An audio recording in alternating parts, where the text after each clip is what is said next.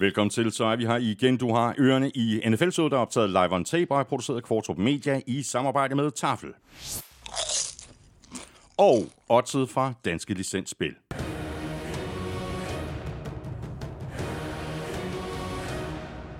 Husk, at man skal være minimum 18 år og spille med omtanke. Har du brug for hjælp til spilafhængighed, så kontakt Spillemyndighedens hjælpelinje Stop Spillet eller udluk dig via Rufus. Regler og vilkår gælder. Og så har vi også øh, Hello Fresh med os som partner, og øh, der er altså endnu en gang øh, masser af penge at spare, og det er der for både nye og tidligere kunder. Hvis du bruger vores kode NFL23 på hellofresh.dk, så kan du nemlig få helt op til 1.153 kroner i rabat på dine fem første måltidskasser. Mere om HelloFresh og deres tilbud senere her i udsendelsen, hvor vi zoomer ind på nogle af de allerstørste profiler i årets draft. Inden vi øh, sådan for alvor går i gang med det, så er jeg først godt lige øh, rose alt det arbejde, der er blevet lavet på øh, gulklud.dk. Der er en helt draft-sektion derinde, som er lige til at dykke ned i og blive klogere af. Så Elming, hatten af for jeres endnu en gang fremragende og grundige arbejde på gulklud.dk frem mod draften. Mange tak, og der øh, kommer rigeligt med øh, information om spillere, om draft og mock draft og alt muligt her de næste halvanden uges tid. Og så kommer vi også med sådan en lille oversigt over øh, alle de forskellige hold mangler og en lille holdoptakt til, til, øh, til draften, så man kan være Fantastisk. super forberedt til næste torsdag. Fantastisk. Der er med øh, andre ord masser af gode grunde til at slå et øh, smut omkring øh, gulklud.dk, hvor du jo også kan lytte til NFL-showet. Det kan du selvfølgelig også gøre på nflshowet.dk, hvor du jo samtidig har muligheden for at støtte os med et valgfrit beløb ved at trykke på linket til tier.dk. Tusind tak til hver en, der bakker op om os. Vi kunne ikke gøre det uden jeres hjælp. Jeg hedder Thomas Kvartrup, og her kommer helt officielt min medvært.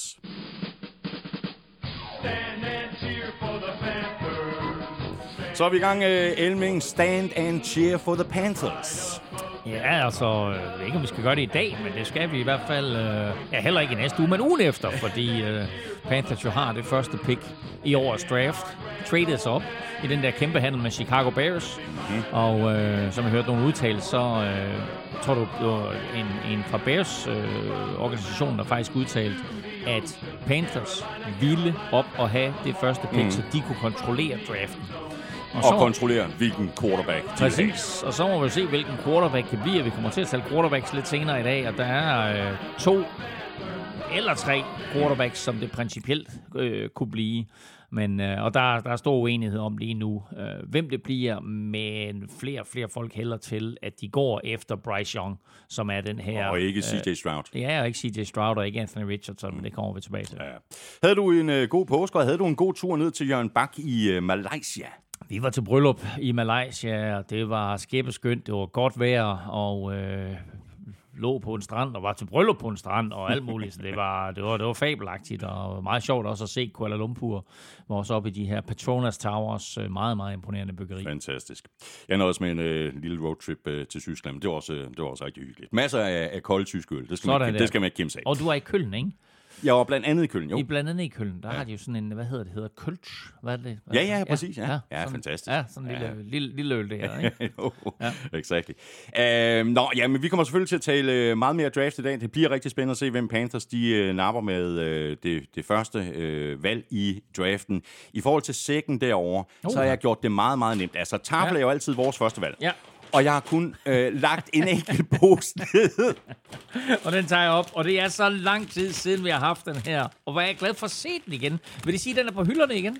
Øh, nogle steder, jeg tror, det er uge 20, så kan man forvente, at den er ude alle steder. Sådan. Chili Banæs, en ægte NFL-showet klassiker, endelig tilbage.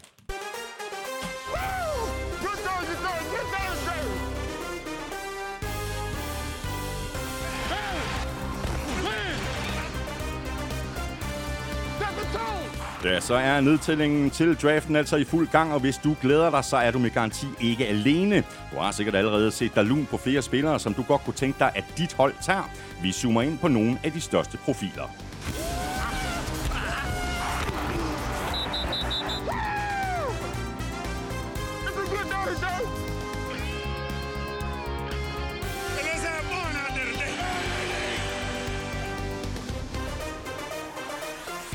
Draften er rigtig sjov og spændende for os fans, men den er samtidig blodig alvor for de 32 hold, for deres head coaches og ikke mindst for deres general managers. Måneders detaljerede forberedelse er slut. Holdenes big boards er på plads. Det er vi også. Jeg hedder Thomas Kvartrup, og med mig har jeg Claus Elming. Men øh, før vi øh, dykker mere ned i draften og ser på nogle af de øh, største profiler, så lad os lige lægge ud med en omgang nyheder og overskrifter først. Og der landede der lige øh, noget af en nyhed i går. Jalen Hurts han har fået en øh, kontraktforlængelse på 255 millioner dollars, eller det, der svarer til en årsløn på 51 millioner. Og dermed er Jalen Hurts nu den bedst betalte spiller i ligaen. Imponerende. I hvert fald, hvis man kigger på gennemsnitsløn. Mm. Fordi de der 51 millioner dollars, det er lige en kende mere, end Aaron Rodgers tjener i gennemsnit. Men øh, der er to tal, som jeg synes, man skal forholde sig til her. Et er de 51 millioner dollars, fordi det kommer til at blive det tal, som en stribe andre quarterbacks over det næste år eller to kommer til at se på og sige, det er det beløb, vi skal op på mm. i gennemsnit på vores kontrakt. Det er sådan nogen som Justin Herbert, det er øh, Joe Burrow, øh, selvfølgelig Lamar Jackson, som vi kommer til at tale om mm. lige om lidt. Mm. Og det andet beløb, jeg synes, man skal forholde sig til, det er 180 millioner dollars, hvilket er det garanterede beløb i Jalen Hurts' kontrakt. Og det svarer altså i godsøjne kun til 36 millioner dollars øh, i gennemsnit. Det er stadigvæk mange penge, mm. og det er imponerende, fordi det her det er en knægt, som øh, blev bænket i college-finalen for fem år siden, valgte at skifte øh, skole, og tog til en anden skole, og øh, gjorde det rigtig godt der, og kommer ind i NFL, anden runde pick øh, skal sidde bag ved Carson Wentz. Jeg kan huske, du ved, vi sagde, hvorfor drafter de Jalen Hurts? Og Carson Wentz blev forholdt til det der. Hvad siger du til, at de drafter Jalen Hurts? Ja, jamen, det er mit job, og bla bla bla. Inden vi får set os om, Carson Wentz ude, Jalen Hurts inden, så snakker vi om sidste år, at Nå, men nu har han et år til at bevise, ja, og Eagles har to picks i, i, i 2023-draften, og hvis han ikke gør det godt, Jalen Hurts, så finder de en quarterback. Ja, så gjorde han det godt. Nu har han så fået 255 millioner dollars. Og vel at mærke på en femårs kontrakt, med en no-trade clause. Ja. Den første Eagles nogensinde har givet, det vil sige, de kan ikke handle ham. Det kan de godt, men han skal have lov til at godkende. Han har simpelthen vetoret. Mm. Uh, så det er meget, meget interessant. Og den sidste ting, jeg vil sige, er, at den her kontrakt er... Jeg har ikke det fulde overblik, og det er der faktisk ikke ret, øh, rigtig nogen, der har i øjeblikket, bortset fra dem, der selvfølgelig har siddet helt inde og forhandlet det her på plads. Men kontrakten er konstrueret på sådan en måde, så den er lønloftsvenlig. Det vil sige, at vi ser nogle gange de her klubber, som bruger en frygtelig masse penge på quarterbacks, at de har ikke råd til at hente andre spillere ind, og de har ikke råd til at sammensætte en trup, der rent faktisk gør, at de på trods af, at de har en dygtig quarterback, også har en trup, som kan vinde Super Bowl. Men den her kontrakt er konstrueret sådan, så Jalen Hurts for eksempel i år kun har et lønloftstal, der hedder 6 millioner dollars, tror det 13 næste år, 20 om tre år, og så kan de begynde at justere på kontrakten. Præcis. Så den her kontrakt er win-win. Jalen Hurts får en masse penge, men Eagles holder stadigvæk muligheden for at konstruere et godt hold omkring ham. Mm. Og nu nævnte du øh, lige øh, Lamar Jackson, ham øh, taler vi videre om øh, lige om lidt, men vi skal allerførst lige have sat et øh, punktum i en af de øh, længere følgetonger, som vi har fulgt øh, med i her i NFL-showet. Commanders er nemlig blevet solgt, eller Commanders. Commanders. Øh, og det kan godt være, at øh, Dan Snyder han har stridet en øh, lille bitte smule i, imod øh, undervejs, men han kommer ikke til at gå sulten i seng. 6 milliarder dollars lød øh, salgsprisen på. Og faktisk 6,05 for at være helt nøjagtig. Og ja, lad os da endelig få decimalerne med. Ja, præcis. Åh, altså, du er 50 millioner dollars fra dig til, ikke? jo, det, altså, det der kommer 05, ikke? Det er altså 50 millioner dollars, ikke? I know. uh, Ja, altså salget er ikke endeligt i gået igennem, men det er en øh, konsortium, øh, blandt andet bestående af øh, den rigmand, som ejer øh, et NBA-hold, et øh, NHL-hold, og så også Crystal Palace, i Premier League. Uh, så der er en vis erfaring i at drive øh, fodbold, øh, eller drive sportsklubber i det hele taget. Han har også en minoritetsandel af Pittsburgh Steelers, så den bliver han selvfølgelig tvunget til at sælge. Uh, og det interessante er så, at nu skal det her salg så lige godkendes, og det skal det på et møde, som NFL-ejerne de afholder i begyndelsen af maj. Og det forestiller mig ikke bliver noget problem i, med at de længe alle sammen gerne har haft, øh, øh, eller vil smide Dan Snyder på, på porten. Og det er ligesom om, at man kan allerede mærke en eller anden form for positiv vibe, der kommer ud af Washington og alle deres fans og alt muligt. Ikke? Altså utroligt, at de har været i stand til at holde fast i alle de her fans med alt det lort, han har gået og lavet Dan Snyder igennem de sidste 5-10 år plus. Øh, så nu kommer der andre boller på suppen, der kommer nogle andre mennesker ind, og dermed så tror jeg også, at og en helt anden ting, som vi også talte om for et stykke tid siden med hensyn til, til alt det her har været omkring Washington, det er, at det er en skamplet på NFL for de andre ejere, og at NFL kunne have været et endnu større produkt, og især fordi fodbold er så stor i Washington, som det er, at det har ikke levet op til de forhåbninger, som de andre 31 ejere havde for indtjening, produkt, oplevelse, etc. Og det er der en vis forhåbning om, at der kan komme nu. Og så lad os tale øh, Lamar Jackson øh, i første omgang øh, Ravens, øh, fordi hvis Lamar Jackson han øh, bliver hængende i Baltimore, jamen, så har han i hvert fald et nyt øh, våben at, at kaste bolden til, fordi øh, en af de helt store free agents øh, på markedet har nemlig valgt at signe med Ravens Odell Beckham Jr. Nu har de da fået det, man kan kalde en første receiver. Og interessant, så apropos penge, ikke? Altså, så, du, du bragte op i vores sidste udsendelse, at, at øh, han havde sagt et eller andet Beckham Jr. om, at han ville i hvert fald have mere end 4 millioner dollars. Han får en kæmpe kontrakt. Altså, jeg er helt i chok over den her kontrakt. Han får 15 millioner dollars garanteret, og så har han 3 millioner dollars ekstra i nogle bonusser, som ikke burde være noget som helst problem for ham at indløse. Altså, det er sådan noget med 600 yards receiving og 40 catches. Ja, og sådan ingenting. Noget. Altså, det er Ja, ja. ingenting. Så i virkeligheden kommer han meget tæt på det, som han spillede ud med oprindeligt. Det var nemlig 20 millioner. Præcis. Så han ender med stor sandsynlighed på 18 millioner dollars for det her ene år. Lamar Jackson har, og det er øh, altså på ren rygtebasis det her, men har angiveligt sagt til Ravens, giv mig Odell Beckham Jr. og DeAndre Hopkins, og så kan vi tale. Ikke? Nå, så- så er vi halvvejs. Så, nu er vi halvvejs. Ikke? Så nu har de fået øh, Odell Beckham Jr. DeAndre Hopkins er stadigvæk en mand, som, som de måske kan handle sig til nu her under draften. Ikke? Altså, vi så det sidste år med, med Hollywood Brown og, og AJ Brown for en sags skyld, øh, som skiftede klubber for, for draft picks. Og det kunne vi sagtens se, at DeAndre Hopkins gør i den kommende draft, at Ravens de simpelthen giver en eller anden form for draft pick til Cardinals for DeAndre Hopkins. Så har de dem begge to, og så kan de så få den her kontrakt på plads med Lamar Jackson efterfølgende. Men Odell Beckham Jr., sidst vi så ham, Super Bowl 56, han vinder, han bliver skadet, han bliver korsbåndsskadet, sidder ude hele sidste år. Vi var jo i gang med at snakke om, at han skulle komme tilbage sidste år. Det lykkedes ham aldrig at komme i god nok form til at komme tilbage. Men øh, sidste gang han var på banen, der forlod han den med en Donjoy skin på benet og en Super Bowl ring på fingeren. Præcis. Og i forhold til øh, Lamar Jackson, jamen altså indtil vi hører andet, så må vi vel øh, formode, at, øh, at han bliver hængende i, øh, i, i Baltimore, selvom der er alle mulige rygter, i, øh, blandt andet i forhold til Coles. Ja, altså, jeg ved ikke, men, men, men jeg, jeg, jeg tror, de her trade-rygter, jeg tror, de, nu, nu er de døde, nu er det passé, nu bliver han i, i, i Baltimore, og så må vi se, øh, hvordan hele den sag kommer til at, at, at ende, og, og om de når at skrive en kontrakt inden sæsonen, eller hvad der kommer til at ske. Altså, han er jo på, de har ham jo på franchise-tagget, så, så han er jo principielt deres mand, og så øh, må vi se, om, om han har tænkt sig at troppe op, eller hvad han har tænkt sig at gøre. Øh, det kort langt det er, at Jalen Hurts har lige gjort tingene meget, meget sjovere for Lamar Jackson og hans agentteam. 255 millioner dollars, det er ligesom, øh, hvad skal vi sige, øh, der er sat præcedens for, hvad en quarterback skal have af hans kaliber. Og godt nok har Jalen Hurts måske nok i den seneste sæson overhalet Lamar Jackson. For de spiller jo meget, det er jo meget lige hinanden, den måde de to de spiller på. Øhm, men han er selvfølgelig mere brutal, øh, Jalen Hurts, hvor Lamar Jackson måske er sådan lidt mere nifty runner. Øhm, men Ravens har angiveligt givet Lamar Jackson et tilbud, der hedder 200 millioner dollars garanteret, og omkring 250 millioner, eller 230, 35, mig det var, øh, samlet. Og det sidder øh, Lamar Jackson og hans agentteam vist og overvejer lidt, hvad der skal ske med. Det bliver spændende at følge med i, øh, og så kan vi lige gå videre her i, i teksten, fordi vi har nemlig fået et, et trade. Lions, øh, der har sendt øh, cornerback øh, Jeff Okuda til Falcons for et, et femte runde. Ja. Det er ikke meget, hva'?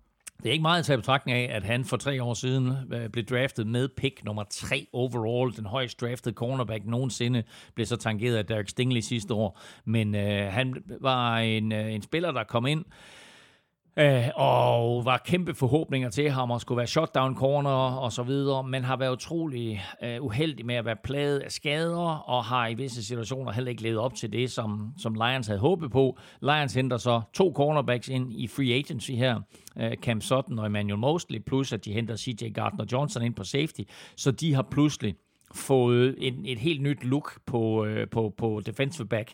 Og det betød altså, at de var villige til at skille sig af med Okuda her, inden han går ind i sit fjerde år, som er det dyre år også på hans rookie-kontrakt. De har godt nok betalt det meste af en signing bonus, så det slipper Falcons for. Og Falcons, de kommer ind, de, de giver et femte runde pick for ham. Overtager en spiller med et enormt potentiale og sætter ham ind i deres bagkæde. Så det her, det kunne godt være en rigtig, rigtig fin handel for Falcons. Det kunne rigtig være en, en uh, fin måde at genstarte karrieren på Præcis. for Jeff Okuda. En frisk start. Og jeg må sige, jeg er lidt overrasket over, at Lions de lå ham gå for et femte rundevalg. Det er billigt. Linebacker Devin White, han har bedt uh, Buccaneers om at blive traded. Umiddelbart så svarede Bucks, at uh, det var de ikke interesseret i. Uh, det skal de jo så også uh, sige. Altså, mm. hvis de vil trade ham, så skal de jo sige, at de ikke er interesseret i at trade ham, fordi så uh, ryger prisen jo op, ikke? Uh, spørgsmålet hvem, hvem kunne være interessant her? Texans måske? Altså, de er midt i en, uh, i en genopbygning, og vi har en ny uh, head coach i Demico Ryan tidligere linebacker, han kan vel godt spotte uh, talent, når ja, han ser ja, det. Nå, men altså, prøv at, der er ikke ret mange klubber, som ikke kunne tænke sig Devin White. Altså, Philadelphia Eagles står med et linebacker-problem, Minnesota Vikings står med et linebacker-problem, Houston Texans står med et linebacker, offensive line, defensive line, cornerback, safety.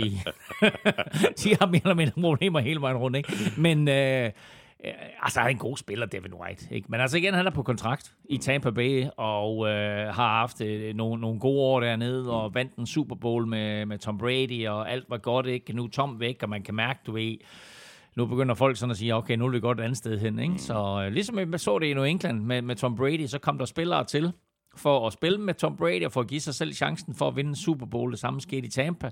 Nu er Tommy Boy gået på pension, og så kigger folk andre steder hen. Ja. Uh, sidste lille ting, vi kan runde her, uh, Elming er ikke engang huske, om vi har talt om det, men det er blevet tilladt nu at spille med trøje nummer 0. Halløjtaler. Ja. ja, der var sådan flere forskellige øh, nye tiltag, nye regler op at vende, øh, som vi også øh, talte om sidst vi var her, og øh, det blev altså ikke godkendt at man kunne se de her roughing the passer eller uh, unnecessary roughness penalties igennem. Det har NFL altså stadigvæk ikke taget uh, med ind. Til gengæld så sagde de så ja tak til, at man nu kan bruge trøje nummer 0.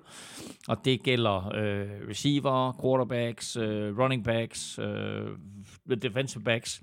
Og den første spiller, som har meldt ud, at han skal spille i trøje, trøje nummer 0, det bliver Calvin Ridley fra Jacksonville Jaguars, og så så jeg mener også, det var Jaron Curse øh, fra Dallas Cowboys, som har sagt, at han vil spille i trøje nummer 0. Mm, det bliver spændende at se.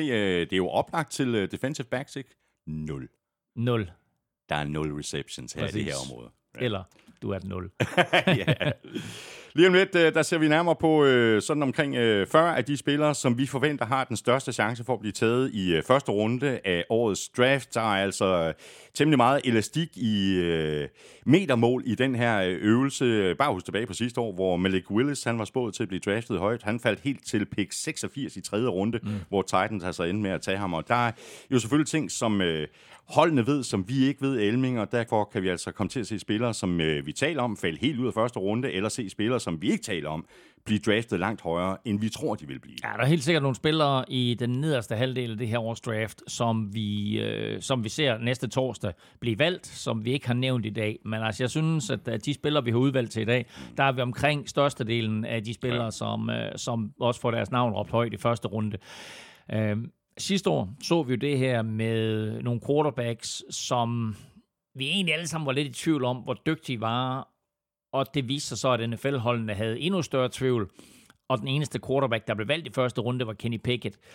Malik Willis faldt til tredje runde, Desmond Ritter faldt til tredje runde, andre af de her quarterbacks, vi nævnte, faldt til fjerde og femte runde. Mm. I år, der ved vi, at det første pick bliver en quarterback. Det bliver det andet pick med stor sandsynlighed, også alt afhængig af, hvad der sker. Nu er der pludselig snak om, at Texans still trade det der andet pick. Der er også snak om, at de slet ikke engang vil tage en quarterback med det andet pick. Uh, så har vi Colts på tre. Der kunne vi se et, et hold trade op for at få en quarterback. Uh, eller undskyld, vi har Cardinals på tre. Uh, der kunne vi se et hold trade op for at få en quarterback. Så har vi Colts på fire, som måske også tager en quarterback. Så altså reelt set kan vi se fire quarterbacks gå på de fire første picks for første gang nogensinde i NFL-historien. Vi taler mere om øh, det hele lige om lidt. Først så skal vi lige have sat gang i øh, quizzerne. Vi skal have quizzen! Åh. Oh. Det er tid til quiz, quiz, quiz, quiz, quiz. Og hvad har du fundet af lækkerier til mig? Jamen, øh, det skal jeg fortælle dig, fordi jeg har jo sådan set øh, valgt at kigge lidt på det, der hedder Heisman Trophy. Ja. Og Heisman Trophy øh, er jo den her øh, award, der gives til årets bedste college-spiller. Og øh, i år, der gik øh, Heisman Trophy til en quarterback, der hedder Caleb Williams fra USC. Du får ikke skrive ned endnu. Øhm, Caleb Williams er ikke med i årets draft. Han kommer tidligst til næste år, og der er han med stor sandsynlighed årets første draft pick. Uh, vi kommer til at tale om de to spillere, som blev nummer to og tre i år, nemlig Max Duggan, som var quarterback for TCU, og CJ Stroud, uh, som var quarterback for Ohio State. Og går vi tilbage til sidste år, så var det Bryce Young, der blev kåret til Heisman Trophy-vinder. Altså det her årets helt store quarterback-profil. Året inden, det var til Smith i 2020, Trevor Lawrence to år, Mac Jones tre år. Og så i 2019, der vandt Joe Burrow Heisman Trophy. Han blev kåret til den bedste spiller i college i 2019. Men hvem var nummer to? Han er quarterback. Han starter i NFL i dag. Okay. Ja, jeg tror godt... Åh, 2019. Ja, måske øh, kan jeg komme med et øh, bud eller to, men øh, du får lige den her. Ja, tak. Can't do it. Sådan der, så er det på plads. Øhm, godt, øh, vil du have den øh, nemme, eller vil du have den svære? Eller den udfordrende, kan jeg sige. Altså, der må tage den udfordrende. Ja, godt. Øh, for præcis 40 år siden, Mm-hmm. Ja, det, det er 3 i år. 1983, 80. Ja, der blev Dan Marino draftet. det gjorde han. Første Ja. runde. Ja. Pick, Helt- 3, pick 23. Helt forrygende af ham, du er allerede godt i gang. Helt forrygende quarterback-overgang. Ja. Fem quarterbacks i første runde. Ja, hvor mange? Nå, okay, godt. Hvor mange quarterbacks blev draftet før Marino? Fire. Og kan du nævne dem? Er, er, det, er det quizzen? Ja, det er det. Men det er ikke fire, det er fem. Inden ham? Ja. Er det? Ja. Au, nå okay. Jamen, det er John Elway. Øh, Det er quizzen. Nå, for fanden, okay. Nå, det er quizzen. Ja, vi kan også tage den nu, så kan vi tage den anden øh, quiz. ja, okay, okay. Så, prøv, okay, så får jeg den nemme bagefter. Så- Okay, det er John Elway. Det er fuldstændig korrekt. Det er Jim Kelly. Ja, Det er Todd Blackledge. ja, Det er Tony Eason. ja. Og så ved jeg ikke, hvem den femte er. Han bliver taget med pick nummer 24. Marino bliver taget med pick nummer 25. Nå, det er sådan der. Uh, pick 24. Pick. Jamen, ham var jeg heller ikke kommet i tanke. Og hvem var det? Ken O'Brien. Ah, så for pokker. Ja, selvfølgelig. Ja. Okay. Nå, ja. Det er godt. Jamen, øh, tillykke med, at du har stort set vundet. Nå, så lad mig få den lette. Okay, øh, hvilken af følgende fire spillere blev ikke taget first overall? Ja. Jake Long, offensive tackle. Mm. Calvin Johnson, wide receiver. Mm. Carson Palmer, quarterback. Mm. Mario Williams, defensive end. Ja, okay. Jeg, Den er også nem, ikke? Jeg venter med at svare. Ja, gør Ja, du ikke det? jo. Ja, glimrende. Godt, øh, jeg skal lige sætte den her på. Fordi nu sætter vi altså øh, spot på øh, profilerne i draften, og vi øh, fokuserer som sagt på omkring øh, 40 spillere, som vi forventer har den største chance for at blive taget i første runde. Vi lægger ud med angrebet, og vi begynder med quarterback, som vi allerede er 20 startet lidt på at tale om. Øh, det er den vigtigste position i fodbold, og der er nærmest hvert eneste år run på quarterbacks i toppen af draften, hvilket så ikke er ens betydende med, at de her spillere så også nødvendigvis er de bedste spillere i draften. Det er bare positionen, der er så pokkers vigtig. Ja, altså man kan sige, at den bedste spiller i den her draft, er det Will Anderson, eller er det Jalen Carter, øh, to forsvarsspillere, eller er det øh, Bryce Young, eller måske endda CJ Stroud, eller måske endda Anthony Richardson. Øh, så der er mange ombud øh, til, eller der, jeg vil faktisk sige, der er ikke så mange ombud til at være den bedste spiller i år. Fordi kigger vi på den her overgang, så er der vel sagtens kun 4-5 topspillere. Og så kommer der en, en, stor stribe af spillere, som kan gå alt fra 6 til 20. Og så derefter, fra 20 og ned efter, der er det et stort miskmask, øh, hvor det er sådan, at, at NFL-klubberne, de vil have hver deres draftboard, altså simpelthen hver deres rangering Ja. af, hvordan de ser spillerne. Så jeg vil sige, at de første 20 spillere i år, det er sådan nogenlunde gimme. Øh, hvordan de så lige bliver fordelt, det er selvfølgelig en helt anden sag, men, men derefter, så vil vi altså se nogle spillere, som vil sådan, hold da op, den havde Ja. vi ikke set komme. Nej. Vi har valgt øh, fem quarterbacks ud, som vi skal se nærmere på, og de fem er Bryce Young, CJ Stroud, Will Levis, Anthony Richardson og Hendon Hooker. Øhm, og det er altså især de to første navne, måske også Anthony Richardson, øh, der bliver spekuleret i meget vel kan med at blive den øh, første spiller til at øh, blive draftet. Lad os bare lægge ud med Bryce Young. Han vandt øh, Heisman i øh, 2021.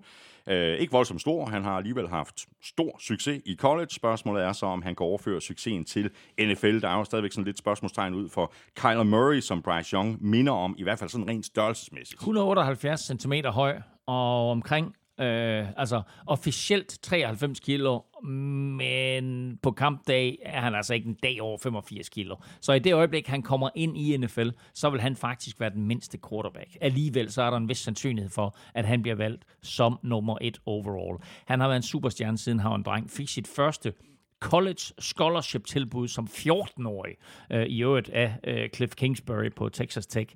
Øh, for tre år siden, øh, da han kom ud af high school, der var han rangeret som den næstbedste high school spiller. Han blev kåret af USA Today til årets angrebsspiller i 2019. Han vandt, som jeg lige nævnte lidt tidligere, Heisman Trophy i 2021 som den bedste øh, college-spiller. I øvrigt den første Alabama quarterback til at gøre det nogensinde, hvilket er lidt vildt, når man tænker på, at de har haft bare her de senere år, øh, Mac Jones, øh, Tua Tagovailoa og, og Jalen Hurts. Øh, han er det, man kalder en dual threat quarterback, men en lille en af slagsen, men altså, øh, nu har du nævnt Kyler Murray, han minder om Kyler Murray i sin størrelse, jeg synes mere, han minder om Jalen Hurts i sin mm. spillestil, knap så brutal selvfølgelig, men, øh, men mere effektiv, mere fremadrettet end, end uh, Kyler Murray er. Øh, han startede jo efter, at Mac Jones han gik i NFL, så startede øh, Bryce Young der for, øh, for Alabama, og øh, han slog nærmest samtlige skolerekorder. Øh, blandt andet så øh, satte han skolerekord i 2021 med 4.872 yards og 47 touchdowns. Imponerende. Ja, altså det er på, hvad var det, på 13 eller 14 ja. kampe, ikke? Øhm, han er god i lommen, han er vanvittig god til at improvisere. Uh, han er som sagt meget lille, meget lille men han er uh, meget præcis. Han har ikke en raketarm, men altså de bolde, han leverer, uh, er bare spot on. Uh, og som sagt, det ikke altså har været en superstjerne siden han var en dreng, og spørgsmålet er så nu, om det kan fortsætte inden for. Ja. Så har vi uh, øh, CJ Stroud, uh, der i modsætning til uh, Bryce Young uh, nærmest er prototypen på en, en quarterback, uh, sådan rent størrelsesmæssigt. Uh, han er så ikke helt lige så mobil uh, som Bryce Young, men han kan faktisk godt uh, løbe bolden uh, selv. Uh, han gør det bare ikke så meget. Til gengæld er han meget præcis, når han fyrer kanonen af. Ikke? Bestemt, og uh, en større quarterback, altså omkring 190 cm høj og små 100 kilo, uh, startede to år på det college, der hedder Ohio State, som i gamle dage slet ikke var kendt for at lave quarterbacks, men faktisk har lavet et par quarterbacks af de senere år, blandt andet øh, Justin Fields. Øh, og han satte et hav af rekorder også, både på skolen og også i det, der hedder Big Ten-konferencen. Øh, han er jo sådan øh, meget prototypen på, på, på det, vi kan lide, eller det, det som, som mange NFL-coaches kan lide omkring quarterback-størrelse. Meget stationær, i lommen og øh, løber sjældent selv. Når han løber, så kan han godt være ganske effektiv. Øh, men han har stort mod, bliver hængende i lommen, og tør blive hængende i lommen og leverer ofte et, øh, et godt kast, øh, lige inden han bliver ramt. Men der er mange NFL-scouts, øh, som mener, at øh, hans evne til at, ligesom at manøvrere ind i lommen ikke er god nok, og det kan være grunden til, at han kun bliver valgt øh, nummer to, og at det bliver Bryce Young, øh, der bliver valgt øh, nummer et. Men øh, han har en, øh, en, en øh, fantastisk evne til at levere bolde i områder, hvor receiverne ikke er mm. endnu. Og det vil sige, at han kaster en timingrute, og det kræver selvfølgelig masser af tid på træningsbanen, øh, og timing, der skal sidde lige skabe med receiverne. Men øh, han læser forsvaret rigtig fint og ser, åh, oh, der kommer et hul lige her, og så kaster han ind i et tomt hul, og så, øh, whoops, så kommer der lige en receiver løbende der. Og det er vidunderligt som receiver, bare lige at vende sig om, og så hænger bolden tre meter fra dig, så skal du bare lige sætte hænderne op, og så klister den nærmeste fingrene, og det er, det er hans helt store styrke, CJ Stroud. Så har vi øh, Anthony Richardson, uh, der også er en, en stor dreng. Øh, masser af upside. Han har ikke spillet voldsomt mange kampe i college. Der er også lidt spørgsmålstegn i, i forhold til hans præcision, og på den måde minder han måske i virkeligheden meget godt om, om Josh Allen, dengang han blev draftet. Dengang sagde Bills, det skal vi nok uh, få styr på det der, og, og, og, og det er vel i virkeligheden det samme som holdet, der ender med at tage Anthony Richardson, at de skal tro på. Ja, altså det er det helt sikkert. Uh, det er et udviklingsprojekt. Uh, han er også det, man kalder dual threat quarterback, men, uh, men måske endnu mere uh, over i Jalen Hurts-stilen, uh, eller, eller mere over i Josh Allen og Cam Newton-stilen, fordi Han er en stor dreng, og øh, han løber tungt, og han har en raketarm. Øh, og så har han altså øh, alle de her fysiske egenskaber, som NFL-hold, de slikker sig munden efter. Øh, men selvfølgelig har de også set på den udvikling, det har krævet at få Josh Allen mm. til det punkt, han er på nu. Og den udvikling, det krævede at få Cam Newton til. Han vandt MVP, Cam Newton, men, men nåede han nogensinde op der på Josh Allen-niveauet? Det synes jeg egentlig Nej. ikke. Så de ved godt, at det her det er, det er et udviklingsprojekt. han kan kaste bolden 70 yards, øh, hvis det er det, han vil. Men der er lidt udfordringer med, med præcisionen på de korte og de mellemlange ruter. Øh, og så er der også det her med lige at, at tage de rigtige beslutninger lidt. Nogle gange så holder han bolden lidt for længe, og øh, der skal han måske lidt mere coaches og tvinges til at kaste til en sikkerhedsventil, i stedet for altid at vil gå efter det dybe skud. Uh, men han er en stor dreng, som kan skabe noget på egen hånd, både når der skal løbes og når der skal kastes. Uh, og altså, hvor han vejer 110 kilo, og når han først sætter i fuld firespring, så er han altså en kæmpe dude. Uh, og det er, et, det er en voldsom spiller at skulle takle, hvis det er sådan, at han først løber forbi linjen og linebackerne. Ikke? Altså, så det her, det er, en, uh, det er en, en, et, en fantastisk prospekt, et fantastisk udviklingsprojekt, men han startede kun 13 kampe i college. Det var det samme med, med Mitchell Trubisky. Ja. Ikke? Så det, altså, de minutter, coaches ligesom har, NFL-coaches ligesom har til at vurdere ham på, det er meget begrænset, men potentialet er enormt. Indiskutabelt. Fjerde quarterback, øh, som også godt kan gå hen og blive øh, taget højt i draften, det er Will Levis. Øh, startede sin college-karriere på Penn State, rykkede så til Kentucky efter tre år nok ikke det, det dårligste valg, han har truffet, og selvom han er et øh, kæmpe talent, så er han samtidig en af de spillere, som måske godt kunne have gavn af sådan lige at få lov at sidde på bænken i et år eller to, før han bliver kastet for løverne, sådan for alvor i NFL.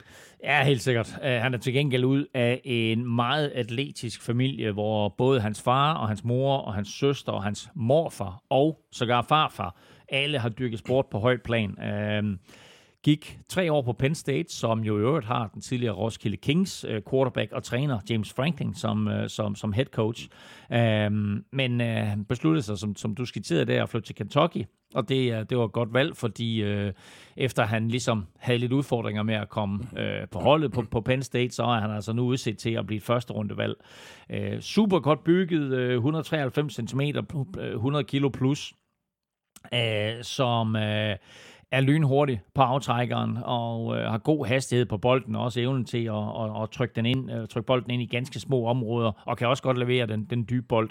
Øhm, og udover at han udviser stor ro i lommen og ikke er bange for at tage et hit, og, så, øh, så leverer han ofte i pressede situationer, både når han står i lommen, men også hvis det er sådan, at han skal stikke af, holder fokus øh, ned ad banen. Øh, og så bliver han af alle omkring ham betegnet som en god leder, og øh, det er også noget, som, som NFL-holdene de jo, de jo elsker at kigge på, mm. det her mentale aspekt, du kommer ind i ligaen med. Masser af potentiale for, for Will Levis, øhm, men som du også sagde, ikke, altså, skal måske nok sidde på bænken et år eller to øh, og lære af en erfaren quarterback. Og der er allerede rygtet hold som Minnesota Vikings mm. og Tennessee Titans, som kunne være interesseret i at, at få ham tilknyttet, men de stadigvæk har en erfaren quarterback på kontrakt. Mm. Så runder vi øh, quarterbacks af med øh, Hendon Hooker, øh, der måske også godt kan blive valgt i første runde.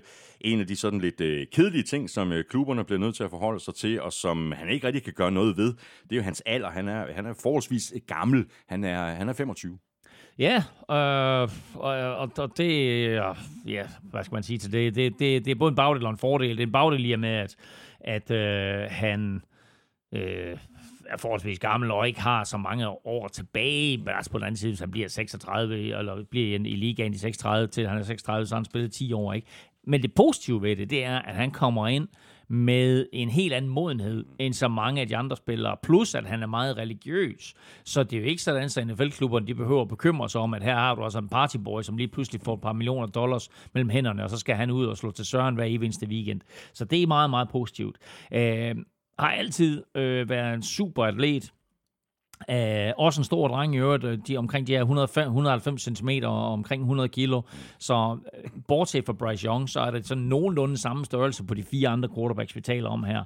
Men uh, spillede alt muligt sport. i, uh, i high school, uden rigtig at spille, uh, spille fodbold, var blandt andet super dygtig til basketball, og så begyndte han at spille fodbold og blev quarterback, uh, og blev backup på sin high school til uh, den high school quarterback, der hed Emmanuel Mosley som nu er, co- er cornerback for, uh, for Detroit Lions. Men altså, det er meget typisk, at high school quarterbacks bliver konverteret til mm. alt muligt andet, når de kommer øh, i college, simpelthen fordi det ofte er den bedste atlet. Og så siger man, ham der, ham vil gerne have en super atlet, men han skal ikke være quarterback hos os. Og der er der nogle unge quarterback, som kommer ud af high school og siger, nej, jeg skal også være quarterback. Og det betyder, der er der andre colleges, der siger, nej, nej, det vil ikke have dig ind som quarterback. Og så fravælger de dem, eller du vil sige, okay, men så vil jeg til et andet college, eller sige, okay, fint nok, hvis jeg skal være cornerback, eller jeg skal være running back, eller jeg skal være receiver, eller et eller andet. Øh, så, så der er mange af de her atleter, som vi ser også komme ind i NFL, øh, senere, som jo har en, en øh, quarterback-fortid. Han kan meget vel, Hendon Hooker, blive den, øh, den femte quarterback øh, i første runde. Også en, en øh, dual threat quarterback, som både kan løbe og kaste bolden, øh, ikke på samme tid, men ja, det kan han sådan set også, hvis det skal være. Men øh, altså overraskende god til at løbe og levere bare en vidunderlig øh, dyb bold. Han satte Tennessee-rekord med 261 kast i træk uden en interception, så passer også godt på bolden, og øh, så har han altså bare en evne til at, at levere det dybe skud. Mm. 27 completions sidste år for over 30 yards, flest af alle quarterbacks i college-rækkerne. Bum. Andre quarterbacks, øh, du vil nævne, øh, før vi går videre til, til receiverne? Jeg vil lige, jeg vil lige nævne to. Um, der er et hav af quarterbacks, øh, som, som kommer til at bedrafte sådan i, i 3., 4., 5. runde og så videre. Og så er der to quarterbacks, man skal holde øje med. Jeg nævnte dem lige i starten faktisk i forbindelse med Heisman, nemlig Max Duggan fra øh, TCU, som var i semifinalen, og jeg faktisk også var i finalen, men der fik de så pryl, øh, TCU af Georgia. Øh, og så Stetson Bennett, øh, som jo øh, kommer ind overtager starterpladsen for Georgia, vinder, mest, vinder college-mesterskabet, men bare ikke sådan har de der kvaliteter, som NFL leder efter rent fysisk. Men han har alt det mentale på plads, og han bliver nok først draftet i 6. runde eller noget i den retning. Men et NFL-hold, der drafter Stetson Bennett, får altså en spiller ind, ja. som har øh, en, en x-faktor, der er svær at definere, mm. og måske kan komme ind og, og overraske positivt. Så har man det også svært at holde øje med. Selvfølgelig. Så har vi øh, wide receiverne. Øh, det er måske ikke sådan den øh, bedste wide receiver overgang, øh, i hvert fald ikke på papiret, og hvis vi øh, sammenligner med de foregående år, hvor det jo virkelig har væltet med talent, men der er også guf i årets draft, og vi har valgt at øh, sætte fokus på seks spillere. Jackson Smith, Njigba, Say Flowers, Quentin Johnston, Jordan Addison, Jalen Hyatt og Josh Downs. Og vi lægger ud med øh, Jackson Smith Njigba, en, øh, sådan en, en, en klassisk øh, slot receiver. Øh, der var ikke nogen, øh, der er i tvivl om, at han er et øh, kæmpe talent. Øh, han sad så næsten ude hele sæsonen med en fiberskade, så mm. holden har jo nærmest skulle kigge på øh, gammel film for at vurdere ham. Ja, ja, men det, altså, der kan man så sige, når man kigger på det gamle film, så, øh, så vil man opdage, at øh, især øh, ikke den forgangne sæson, men forrige sæson, der spillede han jo på hold med øh, både Garrett Wilson, og Chris Olave, som begge to var første runde picks sidste år. Og øh, han havde altså stadigvæk kampe, og for den sags skyld en sæson, øh, øh, Jackson Smith og Jigba her, som var bedre end de to spillere.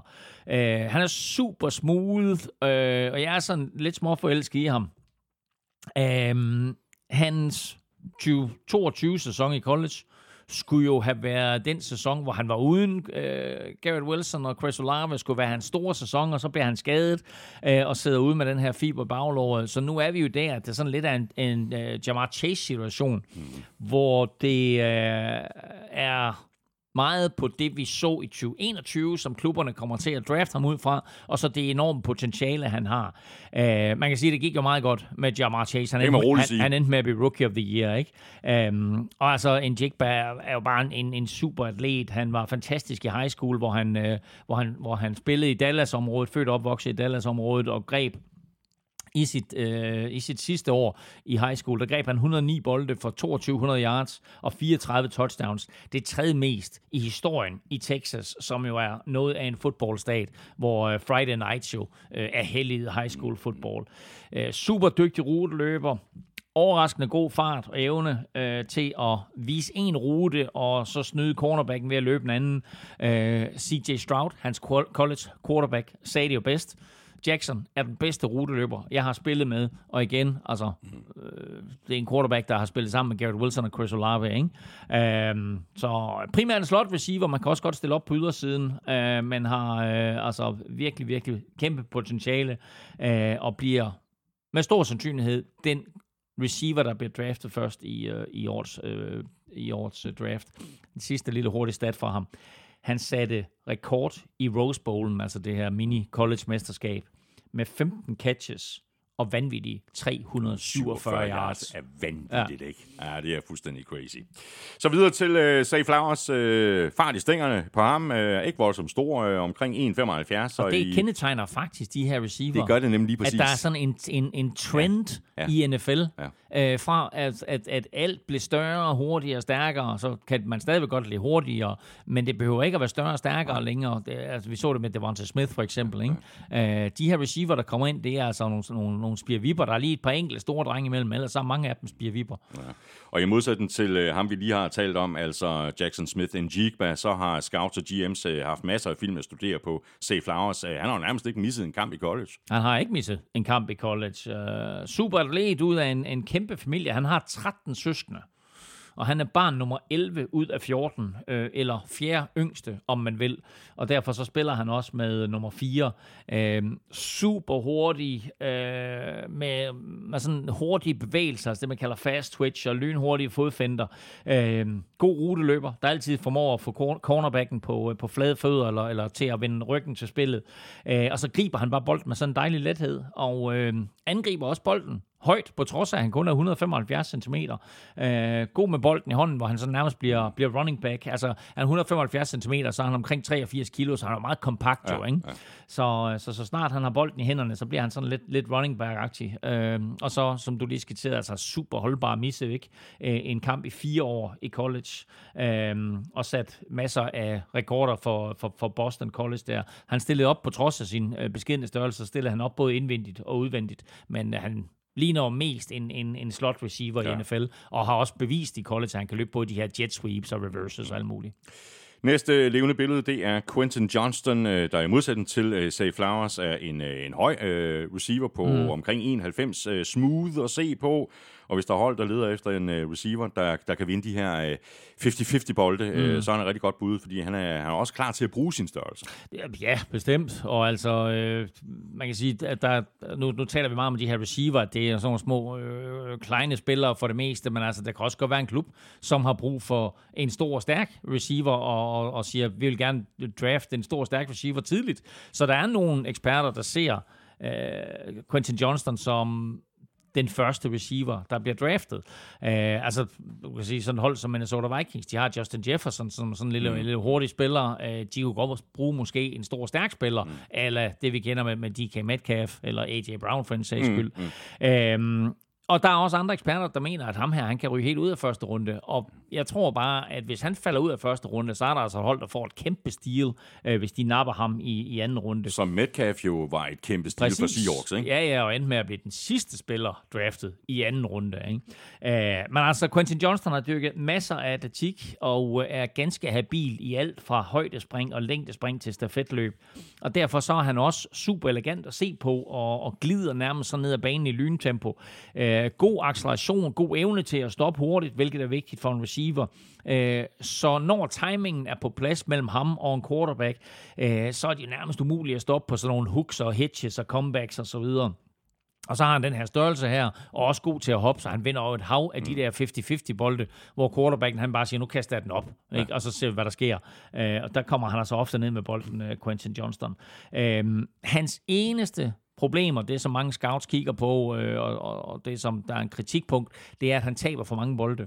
Øh, han greb et hav af bolde sidste år, sådan en stak touchdowns, men han tabte også otte bolde, og det er der ikke, øh, det er der ikke råd til i NFL. Øh, han har spillet både på linjen, af linjen, og har sågar også erfaring som tight end kvæg sin størrelse, så øh, alle spiller også. Mm.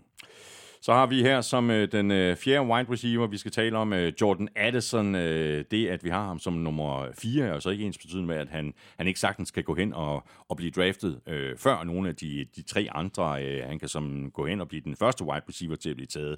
Han er lidt klein. Øh, det kan måske godt skræmme nogen hold fra at tage ham højt. Ja, altså øh, 181 cm, 79 kilo. Øh, de 181 cm, det er ligesom mig. De 79 kilo en, kende, en kende lettere. uh, men det, det er meget let. Uh, 79 ja, kilo uh, i NFL, ikke? Men altså igen, Devontae Smith har, har sat lidt standarden mm. for, uh, hvor lille en, eller hvor tynd en receiver kan være. Han er lidt tynd, ham med Jordan Addison, men altså, der er stadigvæk uh, eksperter, som mener, at han godt kan blive taget som den første receiver overhovedet. Og en af grundene er, at da han kom ud af high school for tre år siden, der var han rangeret som den 10. bedste spiller på tværs af alle positioner i hele USA. Uh, han valgte Pitt som uh, sit college, og det fortrød han ikke, fordi han spillede på hold med Kenny Pickett. Øh, og de to havde et fantastisk samarbejde, og, og Jordan Addison var holdets ubestridte wide receiver stjerne. Øh, og især i 2021, Kenny Pickett's øh, sidste år i college, der havde han en crazy sæson, hvor han greb 100 bolde og 17 touchdowns på, på 14 kampe. Øh, og han vandt jo også prisen det år som den bedste øh, receiver i college. Så går Pickett i NFL, og så siger Jordan Addison, jeg vil gerne noget andet og så flytter han til Kalifornien og ryger på det college, der hedder USC, og der gør han jo så Caleb Williams, som vi talte om i starten, mm. til Heisman Trophy-winner. Så ham her, Jordan Addison, han er en quarterbacks bedste ven. Han har været i college på to forskellige hold nu. Nu kommer han ind i NFL og kommer også til at blive det øh, i NFL. Super hurtig spiller, har spillet både indvendigt og udvendigt. Øhm, han har, øh, lidt ligesom Quentin Johnson, også et lille problem med, med tabte bolde. Øh, men altså, jeg synes ham her, han er en gudsbenået receiver. Og igen, han kommer til at ligge i det lav, hvor Vikings de ligger. Jeg skal ikke have noget imod, at de napper ham. I har det med at ramme rigtigt på de der receiverne. Ja, nogle gange. Altså, der, var, der er Randy, og der er JJ, øh, men øh, så er der også en Troy Williamson. Det snakker vi ikke højt om. Så skal vi faktisk tale om en, en, en, en spiller, øh, en spiller, der hedder Jalen Hyatt. Ja. Øh, og det skal vi på trods af, at du egentlig ja. første omgang havde besluttet ja. for, at øh, han skulle sorteres fra her i vores lille gennemgang. Ja. Så faldt du så over en video, ja. der fik dig på andre tanker. Jamen, jeg vil egentlig ikke have talt om ham. Men så var det fordi, jeg ville se noget video på Tennessees quarterback, Hendon Hooker.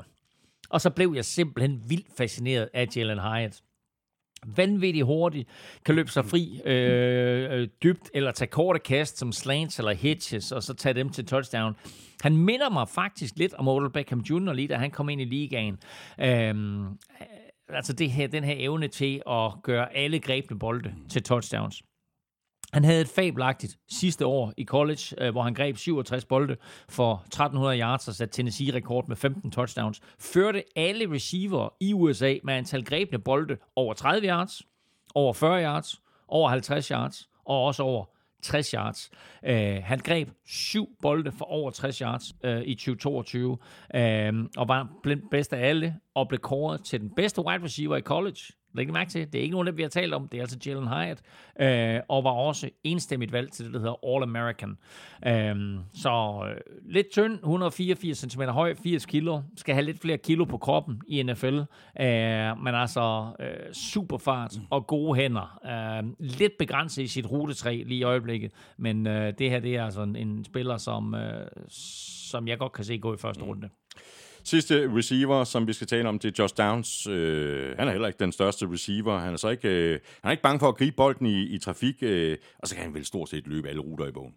Han kan løbe øh, samtlige ruter i bogen, og det er en af de positive ting ved ham, at på trods af, at han kun er 175 cm og 78 kg, og sidder man derude og tænker, at jeg er for lille til at spille amerikansk fodbold, så prøv lige at høre de størrelser, vi nævner her. Ikke? Altså, der er rigelig mulighed for, hvis man er en lort, øh, at komme til at spille amerikansk fodbold, og endda på højt plan, fordi øh, de her drenge her, de er altså ikke specielt store. Men altså, Josh Downs, øh, nogen af vores ældre NFL-fans vil måske faktisk kunne huske hans far, øh, Gary Downs, som spillede running back i NFL i, i 10 år for uh, Giants, Broncos og Falcons, og Morten Andersen vil i hvert fald kunne huske ham fordi han spillede nemlig på hold med Gary Downs i uh, den der Super Bowl 33, uh, som de så uh, desværre tabte sammen til Broncos. Nu kommer Sonny, uh, Josh Downs, og uh, han er så wide receiver, ikke running back, men uh, super spændende spiller.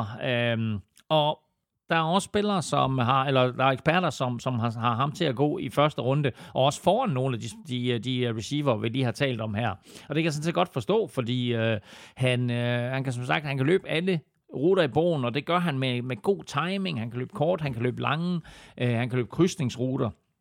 Og han griber alt. Og det gør han også i trafik, hvor han viser stort mod, og han er ikke bange for at, at gå op og hente bolden højt. Øhm, han havde i sine sidste to år i college øh, næsten 200 catches og 2500 yards øh, for øh, North Carolina. Så det er altså en, en spiller, der er vant til at gribe mange bolde. Mm. Er der andre øh, wide receiver, der lige skal, skal nævnes her? Der er et, øh, et hav af, af wide receiver, som vi, det her det er en af, altså jeg vil sige toppen af wide receiver-bordet er måske ikke så godt. Der, vi kommer over i, jeg tror ikke, den første receiver bliver taget før omkring pick 12.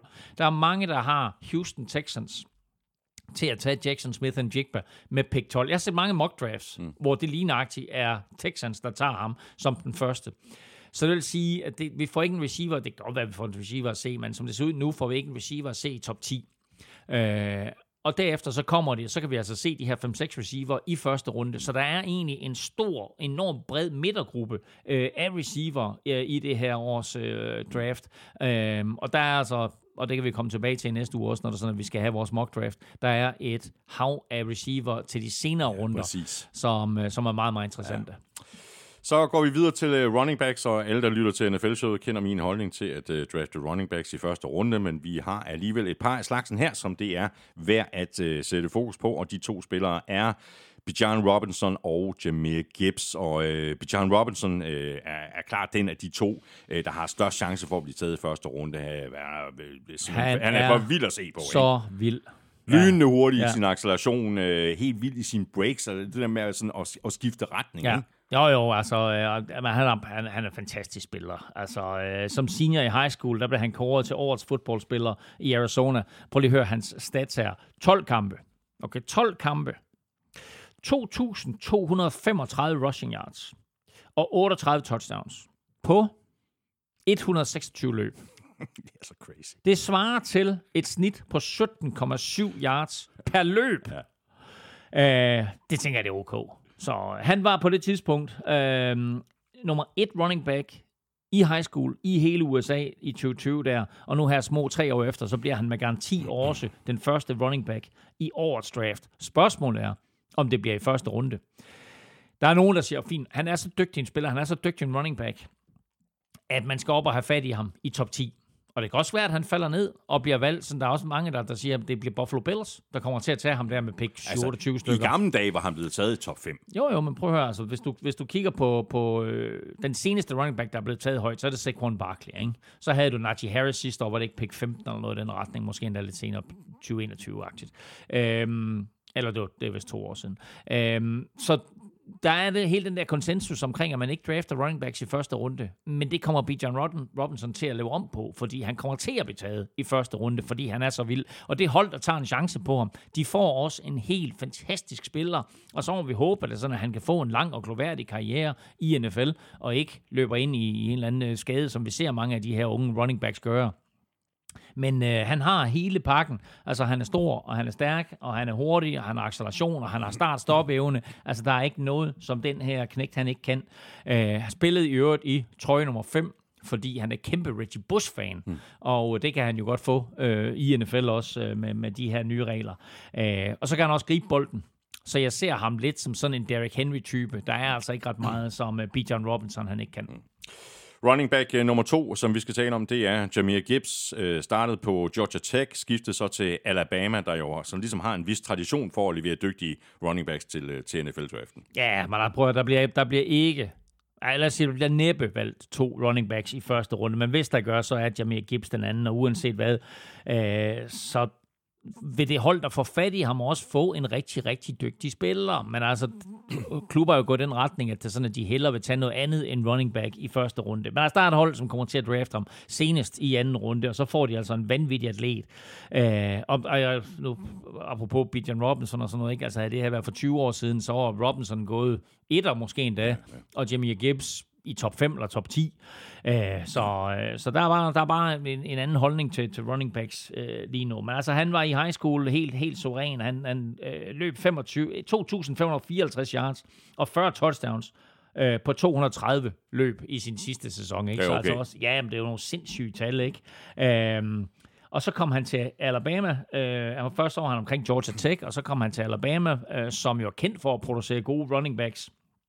Altså bare i NFL nu her har vi øh, Josh Jacobs, øh, vi har Najee Harris, vi nævnte, og så ham der Derrick Henry, Derrick Henry ikke? Så altså, det er jo altså, han er ude af en, en, en running back fabrik, øh, så altså, der er også øh, noget at komme efter der. Men altså lynhurtige fødder, øh, øh, god som receiver, bevæger sig hurtigt tidliglæns, øh, og ligesom øh, Bijan Robinson, så kan han også gribe bolden. Han greb 44 bolde sidste år, hvilket er flest nogensinde for en Alabama running back, og tage betragtning, at jeg lige har nævnt en, en, en stor stribe af spillere, som man kender, ikke, så er det altså øh, rimelig imponerende. Ja.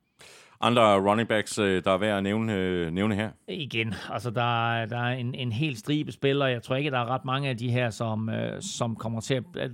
Der er ikke nogen af dem, der kommer til at blive draftet i første runde, men altså du har en Devon Shane fra, fra Texas A&M, du har en Tank Bixby, som er, er en lidt sjov spiller. De to kunne godt blive taget i, i anden runde. Det kunne en Roshan Johnson måske også. Og så har du en fyr, der hedder Zach Charbonnet, som jeg ikke kender så meget til fra, fra UCLA. Uh, og vi snakker anden, tredje runde på alle de der spillere. Mm. Så går vi videre til uh, tight ends. Uh, det er en uh, god overgang med, med masser af spillere, der står til at kunne blive starter hurtigt, måske endda allerede i år 1. Det er så ikke ens betydende med, at de bliver taget i første runde, og ligesom med running back, så handler det om positionen, ligesom det også gør, bare set med omvendte briller, med quarterback-positionen, hvor spillerne bliver draftet højere alene på grund af positionen. Vi har udvalgt to tight ends med en reel chance for at gå øh, højt og i, i første runde, og de to spillere, det er Michael Mayer og Dalton Kincaid. Øh, vi lægger ud med Michael Mayer, øh, der kommer fra Notre Dame, et college, der jo sådan ligesom har produceret masser af tight ends til øh, NFL. Øh, nogle af de seneste, det er Anthony Fasano, Carl Rudolph, øh, Tyler Eifert. Øh, Michael Mayer, han slår dem alle sammen, øh, forstået mm. på den måde, at han er den mest produktive tight end i Notre Dames historie. Præcis. 195 cm høj, 113 kilo, stor dreng med gode hænder, øh, mangler lidt topfart, men startede tre år øh, på Notre Dame, hvor han jo ofte var det primære mål. Øh, spillede både udvendigt og indvendigt. Øh, 61,9 procent af sine snaps havde han øh, udvendigt. 38,1 procent, der stod han på linjen som en normal tight end. Øh, og som du siger, altså øh, Notre Dame er jo kendt for at producere tight ends, men han har simpelthen bare været den bedste af dem alle sammen. Øh, sat øh, Notre Dame-rekord for tight ends for både øh, øh, catch i sin sæson og catch i sin karriere for antal yards og for touchdowns. Mm. Øh, han er et super godt mål, øh, både på korte ruter og ned igennem midten, og øh, har en øh, har, har spillet basketball tidligere, så bruger hele den her øh, basketball-evne til at bevæge sin krop, til at afskærme modstandere, øh, og så løber han bare gode, solide ruter, i og med at han mangler topfart, så kan han heller ikke rigtig tillade sig at spille skridt undervejs, så han er meget, meget disciplineret mm. i sine ruter og løber gode ruter, som, øh, som bare, hvor han viser quarterbacken, det er lige nøjagtigt mm. her, mm. at du skal kaste bolden. Øh, og det er vidunderligt for en quarterback, at man ikke er i tvivl om, hvad har han tænkt sig at gøre. Løber han ind, løber han ud, eller stopper han, eller hvad gør han? Øh, så øh, det her det er, det er et super solidt mål, og han kommer med stor sandsynlighed til at gå øh, i første runde. Ja. Så har vi Dalton Kincaid, øh, der først sådan øh, begyndte at spille øh, fodbold øh, for alvor som 18-årig indtil da. Der var det også basketball, ja. øh, hvilket han faktisk Men det har også mange var, af de her tight ends. Jamen, altså. Jimmy Graham for eksempel, ja, ja. han spillede også basket, ikke? Øh, ja, før han øh, for alvor øh, valgte den øh, ovale bold i, i stedet for den store øh, tunge bold. Øh, Dalton Kincaid... Øh, hvad, hvad vil du sige om ham? Ja, nogenlunde samme størrelse, altså 193 cm og 112 kilo, og faktisk ikke usandsynligt, at han også bliver valgt i første runde, og heller ikke usandsynligt faktisk, at han ender med at blive taget før Michael Mayer. Øhm, han var basketball-stjerne i high school. Ikke bare har han spillet basketball, han var basketballstjerne og faktisk så stor, så han vandt det amerikanske mesterskab øh, under det, der hedder AAU. Øh, han blev overtalt af nogle venner til at, at prøve fodbold som 18-årig, og det gjorde han med så stor succes, øh, at... Øh, at han synes, at det her det var skide sjovt, men han gjorde det så sent, så der ikke rigtig var nogen colleges, som havde nået at få øjnene op for ham. Så øh, han sagde, jeg vil gerne fortsætte med at spille fodbold, og så, gik han, så kom han ind på et, et lille college i San Diego, som det hedder Walk-On, altså uden at få et scholarship. Og der spillede han så i to sæsoner, og så skal jeg da lov for, at, at der var skoler, der begyndte at få øjnene op for den her kæmpe dreng. Øh, så han fik et scholarship til Utah øh, og spillede der de sidste to år, og så er det altså gået stærkt. Øh, har grebet et hav af bolde, vundet øh, et hav af priser øh, og kommet på diverse udvalgte hold. Og sidste år, der førte han altså alle tight ends i hele USA i, i catches og yards. Øh, og så har han i øvrigt spillet fem år øh, i college, fordi han benyttede muligheden for at få et... Øh, ja, præcis. Efter corona, der fik man muligheden for at, at få et ekstra år øh, i college. Og øh, det var klogt, fordi fra at han før var på ingens radar, så er han nu på alles radar. Flere tight ends, øh, vi skal omkring her. Altså, som sagt, så synes jeg, det, det, det virker til at være en rigtig god tight end overgang, det her. Det er det også, og vi kan faktisk godt se en tredje tight end, hvis kortene de falder rigtigt, blive draftet i første runde. Det er en stor fyr, der hedder Donald Washington. Mm. Så har du en fyr, der hedder Luke Musgrave, øh, som helt sikkert kommer til at gå i anden runde, og så har du en fyr, der hedder Sam Laporta, som jeg ved, at du gerne vil have til 49ers, ja, men jeg tvivler, jeg tvivler, han 49ers har ikke noget pick før i tredje runde. Nej, I bunden af tredje runde. Præcis, jeg ja. tvivler simpelthen på, at uh, Sam Laporta, han er der så længe. Ja, desværre. Øhm, så går vi videre til de store drenge på den øh, offensive linje. Dem er der altid rift om, øh, ikke mindst øh, tackle-positionen. Nu må vi så se, hvornår holdene begynder at angribe øh, der i, i draften, fordi når, når først der er prikket hul, så kan det komme til at gå rigtig stærkt. Øh, der er flere spillere, som vi har valgt ud, som kan gå allerede i første runde, øh, og de fem spillere er Peter Skoronski, Paris Johnson Jr., Broderick Jones, Darnell Wright og Osiris Torrance. Så vi tager dem fra en ende af. Vi begynder med Peter Skoronski, øh, som der sikkert er en del øh, Packers-fans, øh, der godt kunne tænke sig, at øh, Packers fik fat i. Øh, spørgsmålet er, om han kommer til at spille tackle i NFL, eller om han bliver rykket ind som guard eventuelt i, i, i første omgang. Præcis, og, og når, når vi taler om de her offensive linemen, så har vi lidt slået dem sammen nu, både indvendige offensive linemen og, og, og tackles. Øh, og kigger vi på Skoronski, så er han tackle nu, men nogle NFL-klubber ser ham måske som guard, så vi kommer til at tale om ham, og så Osiris Torrance, så det er de to guard-prospekter, ja. og så har vi altså tre tackles, vi kommer til at tale om. Men altså Skoronski, som du lige var inde på der, altså, der vil sidde nogle hardcore Packers-fans, som vil elske det navn, fordi øh, Peters farfar, øh, Bob Skoronski, han spillede offensive tackle for Packers i 60'erne, og var med hele vejen under Vince Lombardi-æraen, hvor han var med til at vinde de der fem NFL-mesterskaber, øh, inklus- altså inden sammenlægningen, vil jeg mm. mærke, og det var så inklusiv jo to Super Bowl, Super Bowl 1 og 2, inden de sådan officielt blev, blev kendt som Super Bowl. Og det betyder så også, at unge Peter, øh, han voksede op øh, som Packers-fan, og må ikke, at der er nogle øh, fans, der håber, at, at Packers de tager sig sammen og trader op for at, at få fat i ham. Det kunne i hvert fald godt bruge lidt hjælp mm. på, på den offensive linje. Men uh, stor dreng med, med, med brede skuldre, altså uh, der er ikke nogen af de her drenge her, som vejer under uh, 140 kilo. Uh, han er uh, 193 cm og 142 kilo, sådan, sådan helt officielt. Øh, meget kraftfuld, og øh, med et, et, et meget kraftfuldt midterparti også, som bare betyder, at, at han har en, en super god eksplosion, og også har øh, super gode fødder for, for, en, for en stor mand, og forbliver næsten altid øh, i balance. Øh, han er god både imod bull rushers og, og speed rushers, og så har han sådan en hammer, af en forarm, som bare rammer modstanderne, så, så, så, så de stopper. Så uanset når de kommer der, du ved, at de tænker så, nu skal jeg ind til quarterbacken, så siger der de, og så det skal står, du så ikke. Det skal du ikke. Du kommer ikke uh, længere end det der. Det uh, scouts og eksperter har imod ham, det er, at han har kort arm. Og uh, det er åbenbart noget, hvor man gerne på tackle-positionerne siger, at der skal du have en vis form for armlængde, for at kunne holde modstanderne væk. Uh, jeg synes, at han har så god teknik, så han godt kan blive en tackle, men altså det ser nok ud som om, at Peter Skronski, han skal starte sin karriere på guard et eller andet sted. Mm. Så går vi videre til uh, Paris Johnson uh, Jr. Uh, han har spillet både tackle og guard. Mm. Uh, kæmpe dreng på uh, 2 meter og 150 kilo.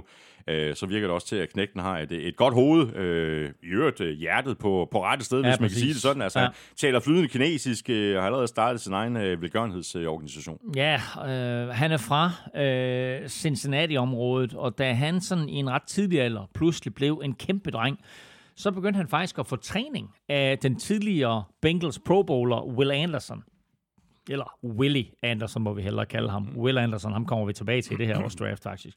Men øh, Bengals fans vil, vil helt sikkert øh, kunne genkende til Willie Anderson. Øh, Paris Johnsons far var faktisk også i NFL. Han blev draftet i 1999 af Cardinals og spillede et enkelt år for dem. Øhm, så han har fået lidt ind øh, med faderblodet, øh, om man vil. Øhm, han rangeret som den fjerde bedste high school spiller i hele USA i 2020. Altså ikke bare den fjerde bedste offensive lineman, men den fjerde bedste spiller overhovedet. Øhm, og han har bevaret det her øh, utrolig høje niveau. Øhm, og øh, bliver draftet i omegnen af 10-15 stykker, måske endda øh, i, i, i top 10. Øh, stor dreng, øh, meget flydende, meget elegant, meget glidende i sine bevægelser, øh, og øh, øh som sagt ikke altså øh, de her kæmpe mennesker er jo efterhånden blevet standard i NFL.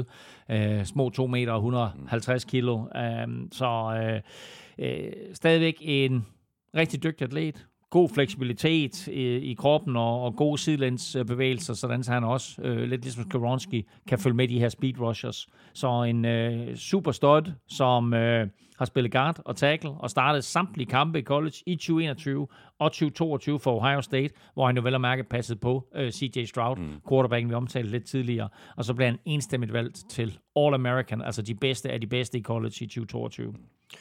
Vi videre til uh, Broderick Jones, uh, en smule mindre end uh, Paris Johnson. Lille er han så ikke, det vil være synd at sige. På trods af størrelsen, så bevæger han sig ja, nærmest let og elegant. Mm. uh, og, og det er vel som tackle, han kommer til at gøre sig i NFL. Det vil jeg tro. Altså 195 cm, 140 kilo, uh, som har spillet basketball siden han var helt ung. Og det betyder netop det, du siger, at han bevæger sig med, med en lethed. Men, men samtidig har det her, der er så vigtigt for en offensive lineman, at det kan godt se ud som om, at det er sådan, at du er på retræten men du har stadigvæk en vis form for brutalitet over dig.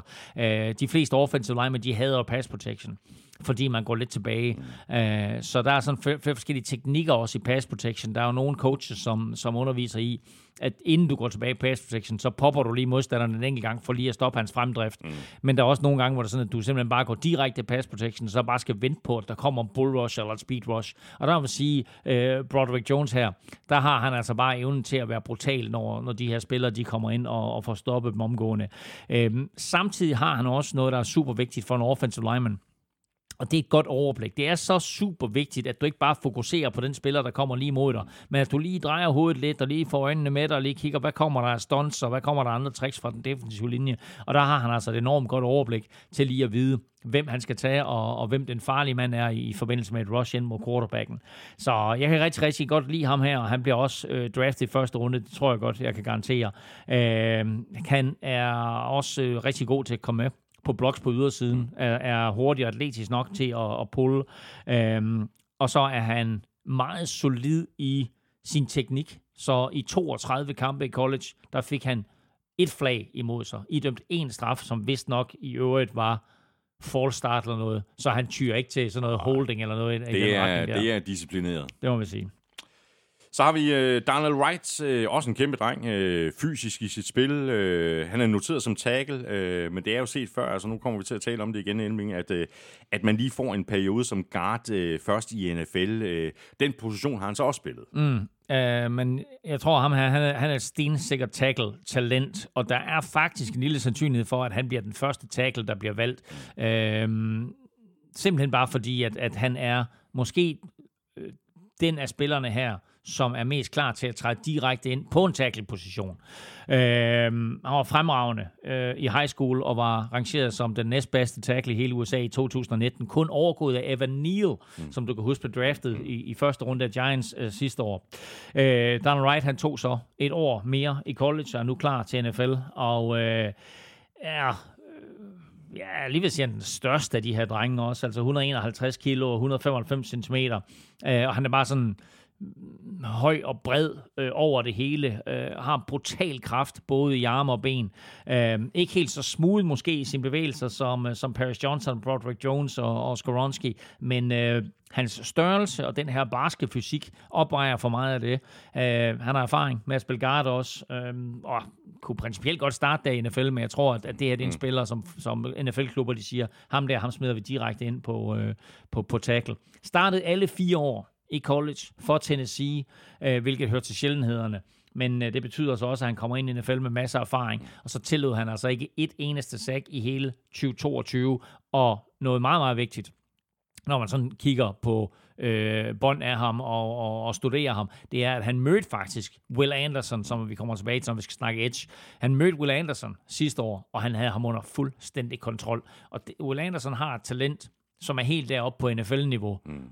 Og der er der bare klubber, der siger, okay, han har totalt styr på Will Anderson. Det kan gøre, at det er ham, vi skal tage før ja. nogle af alle de andre. Ja. Og så øh, lukker og slukker vi for den øh, offensive side af bolden med øh, guard Osiris Torrance. Øh, Ja, og han er bare en af de her øh, potentielle solstrålehistorier, eller en solstrålehistorie i virkeligheden, altså en knæk, der er vokset op i fattigdom, og nu kan han så ændre, ja, ikke bare sit eget liv, men hele sin families ja, liv. Ja, præcis. Altså kommer fra meget, meget trange kår, og, og øh, har via fodbold fået chancen for at ændre livet, både for sig selv og, og sin familie. Han øh, boede med sin mor og sine tre søskende i en campingvogn, øh, og begyndte så på fodbold i high school. Han var 16 år gammel, og øh, der ser man nogle af de her øh, lidt fattige familier, som ikke har råd til andet end junk food. Han var 16 år gammel, han vejede 180 kilo. Og så sker der det, at, at han får sådan en, en, en smag for, for fodbold, måske også fordi han kommer ind som 180 kilo, og der øh, er der så bare folk og træner også, så hold da kæft, en lokum, ikke? Altså, ham skal vi bruge. Og så får han faktisk fokus på træning og sund kost. Men det er jo det, der er så fantastisk ja. ved amerikansk fodbold, fordi det ja. ser du ikke i andre sportsgrene. Altså, hvis du, hvis du er op og veje det der, jamen, uh, goodbye, du kommer altså ikke til at spille badminton, vel? Nej, du kan blive, du kan blive hockeymålmand. ja, du bliver bare proppet ind i buret. Sådan. du står bare stille. uh, nej, men altså, ja, altså, jeg vil sige, Mogens Jeppesen var da også lidt kraftig, var han ikke det? Han, oh, han stod derinde i buret i håndbold. Han fik også nogle bare. Ja, præcis. Nå. Uh, men fra det øjeblik, der, der ændrer han livsstil. Og øh, nu er han så nede på omkring 150 kilo. Øhm, men han er super adræt og øh, er, er blevet en superstjerne. Han spillede både O-line og D-line i, i high school og blev udvalgt til statsholdet i Louisiana, og så kom han på et, et lokalt college og kom videre til øh, øh det, det store berømte college, der hedder Florida, Florida Gators. Øhm, og blev enstemmigt valgt til All-American på Florida Gators. Så altså, han er gået fra øh, øh, ja, fattigdom og fedme til at være en superstjerne og kommende øh, NFL-stjerne. Og også meget rig, fordi altså nu øh, kommer han ind og får vel sagtens omkring 20 millioner, ah, lad os sige 10-15 millioner dollars på en kontrakt, og måske halvdelen i hånden. Ikke? Øh, så øh, lang, øh, med lange arme og en fremragende atlet, som, som bruger sin øh, størrelse og styrke til at, til at bremse forsvarsspillerne. Og så har han tilladt 0.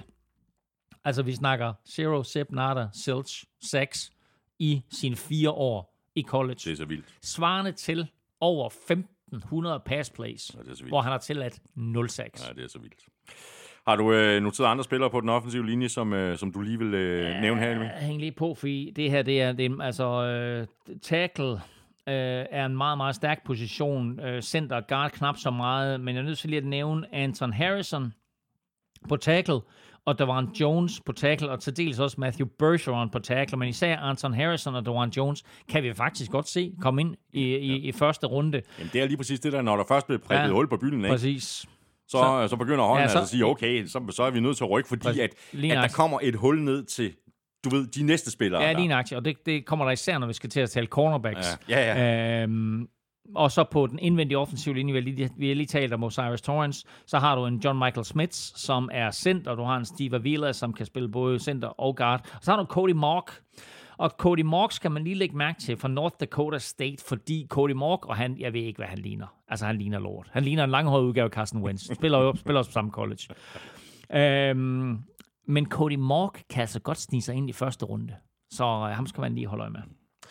Det var altså de øh, offensive spillere, som vi havde valgt at øh, tale om. Øh, lige om lidt, der hopper vi over på den anden side af bolden og tager et kig på nogle af de største forsvarsprofiler i årets draft. Først der skal vi lige omkring øh, ugens spillere have trukket lod om en kæmpe kasse med tafelchips.